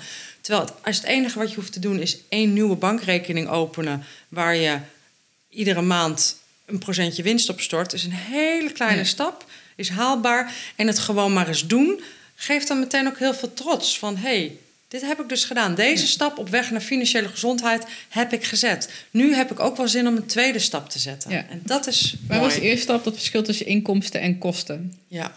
Gewoon even kijken, misschien moet ik... Want ik heb... eh, Het makkelijkste was de, mijn bestaande rekening... waar ik al alles van betaalde, waar ik al een pinpas van had. Dat was gewoon mijn... Dat heb ik mijn kosten genoemd. Ja. En ik heb het enige verschil dat ik heb gedaan is aan eh, de webshop en, en aan eh, klanten een andere rekeningnummer Ja. doorgegeven, zodat voortaan mijn ontvangsten op een andere. Ja. En dat is eigenlijk, en dat was, dat kostte dus nul effort. En dan heb je al die splitsing tussen heb je splitsing. binnen en buiten, zeg maar. Ja. En dat, en is eerste. ook al een enorme mindshift. Want er zijn dus heel veel ondernemers, en ik, ik heb dat ook ooit gezegd, die denken dan dat als ze ehm, ehm, bijvoorbeeld. Nou, als ze bijvoorbeeld iets verkopen, ik heb ook een webshop en dan verkoop ik iets en dan komt er bijvoorbeeld 50 euro binnen. Of 1000, maakt niet uit. Hè. Dan komt er 50 euro binnen. Denk ik, cool, ik heb 50 euro verdiend. Daar kan ik eh, van naar de sauna. En dat is dus onzin. Want die 50 euro is niet allemaal winst waarvan je naar de sauna kan. Er moet BTW vanaf, er moet belasting vanaf. Er moet misschien een beetje kosten vanaf, want het kantoor moet ook betaald worden. Ik moet ook gewoon salaris ontvangen. Dus er blijft misschien 5 euro over voor de sauna. Ja. En jouw stap, het verschil maken tussen die inkomsten en die kostenrekening, is al een eerste Ja. stap op weg naar dat besef. Want er zijn ondernemers die zeggen: Ja, ik verdien een ton op jaar. En dan denk ik: Nee, je maakt een ton omzet. Maar wat je verdient, wat je letterlijk in je hand krijgt, hè, of in je broekzak of op je privé, dat is niet een ton. Dat is soms maar 30.000 euro. Ja. Dus ik verdien een ton is heel verneukeratief eigenlijk. Ja. Ehm, Goh. Ja, ja zitten we goed Wil je in de weten tijd hoe lang we al... eh, Ja? eh, een uur en veertig minuten. Oh ja, ja, ja. Hey, is er nog iets wat, wat, waar we het niet over hebben gehad... wat je nog denkt van... hey, dit, dit is de moeite waard? Overigens, als eerste stapje... volgens mij moet iedereen gewoon Profit First... Ja. even bestellen bij de bol.com. Ja, Profit Ook First bestellen. Eh, en ehm, is ook een luisterboek. Dat, is, Oh. dat duurt maar... Hoe lang duurt het eigenlijk? Drie uur volgens mij. Dus dat is korter. Dat is Oh, korter dan het boek. Ik heb het ingesproken. Dus nou, dan heb je nog een keer mijn stem. Ehm, en dat kost maar 15 euro ook. Dus ook iets goedkoper omdat het wat korter is. Dus doen. Ja, dat is een goede tip. Gewoon Profit First gaan lezen als het je wat lijkt. Ja. Ehm, is er nog meer wat ik zou willen zeggen? We hebben het over zoveel dingen gehad. We Ja. hebben het gehad over Profit First. We hebben het gehad over mindset. We hebben het gehad over onze jeugd. eh, over doelen. Over ja, privé. Ik denk dus dat dat, waar ik eigenlijk net ook wel mee afsloot. Ik bedoel, lees het boek. Maar het aller, aller, allerbelangrijkste is gun het jezelf om die eerste kleine stap te zetten. Misschien wel nu. Misschien wel als je dit luistert, dat je jezelf afvraagt... welke kleine stap die me minder dan 10 minuten kost... zou ik nu kunnen zetten? Gewoon om, aan, om jezelf eh, ook aan jezelf te laten zien... hey, weet je, dit, dit heb ik nu gedaan, om daar trots op te zijn. En vervolgens, ja, als je die stap niet weer om zeep helpt... en die blijft maar doorgaan, dan zet dat echt wel zoden moet aan de dus ook dijk. zo klein zijn. Ja. je zegt, als je begint met... eh, nou, nu ga ik elke maand 500 euro sparen. Ja. Ehm, Nee, dat dat hou je misschien een maand vol. dat hou je misschien een maand maand hebt gehad en daarna Ja. niet meer. En automatiseer het ook. Dus als je stap is inderdaad, ik wil iedere maand 50 euro opzij zetten, eh, automatiseer dat. Maak van een rekening iedere maand 50 euro over naar een andere rekening. Klaar. Ja. En dat is je eerste stap. En daar kan je trots op zijn. En dat is het voor vandaag. Nou, dankjewel. Ja, dankjewel voor je tijd. Ja, graag En gedaan. voor je eerlijkheid, Ja, dankjewel. Ik vond het hartstikke leuk, zo'n eh, diepte, diepte podcast. Ja, te gek. Dankjewel.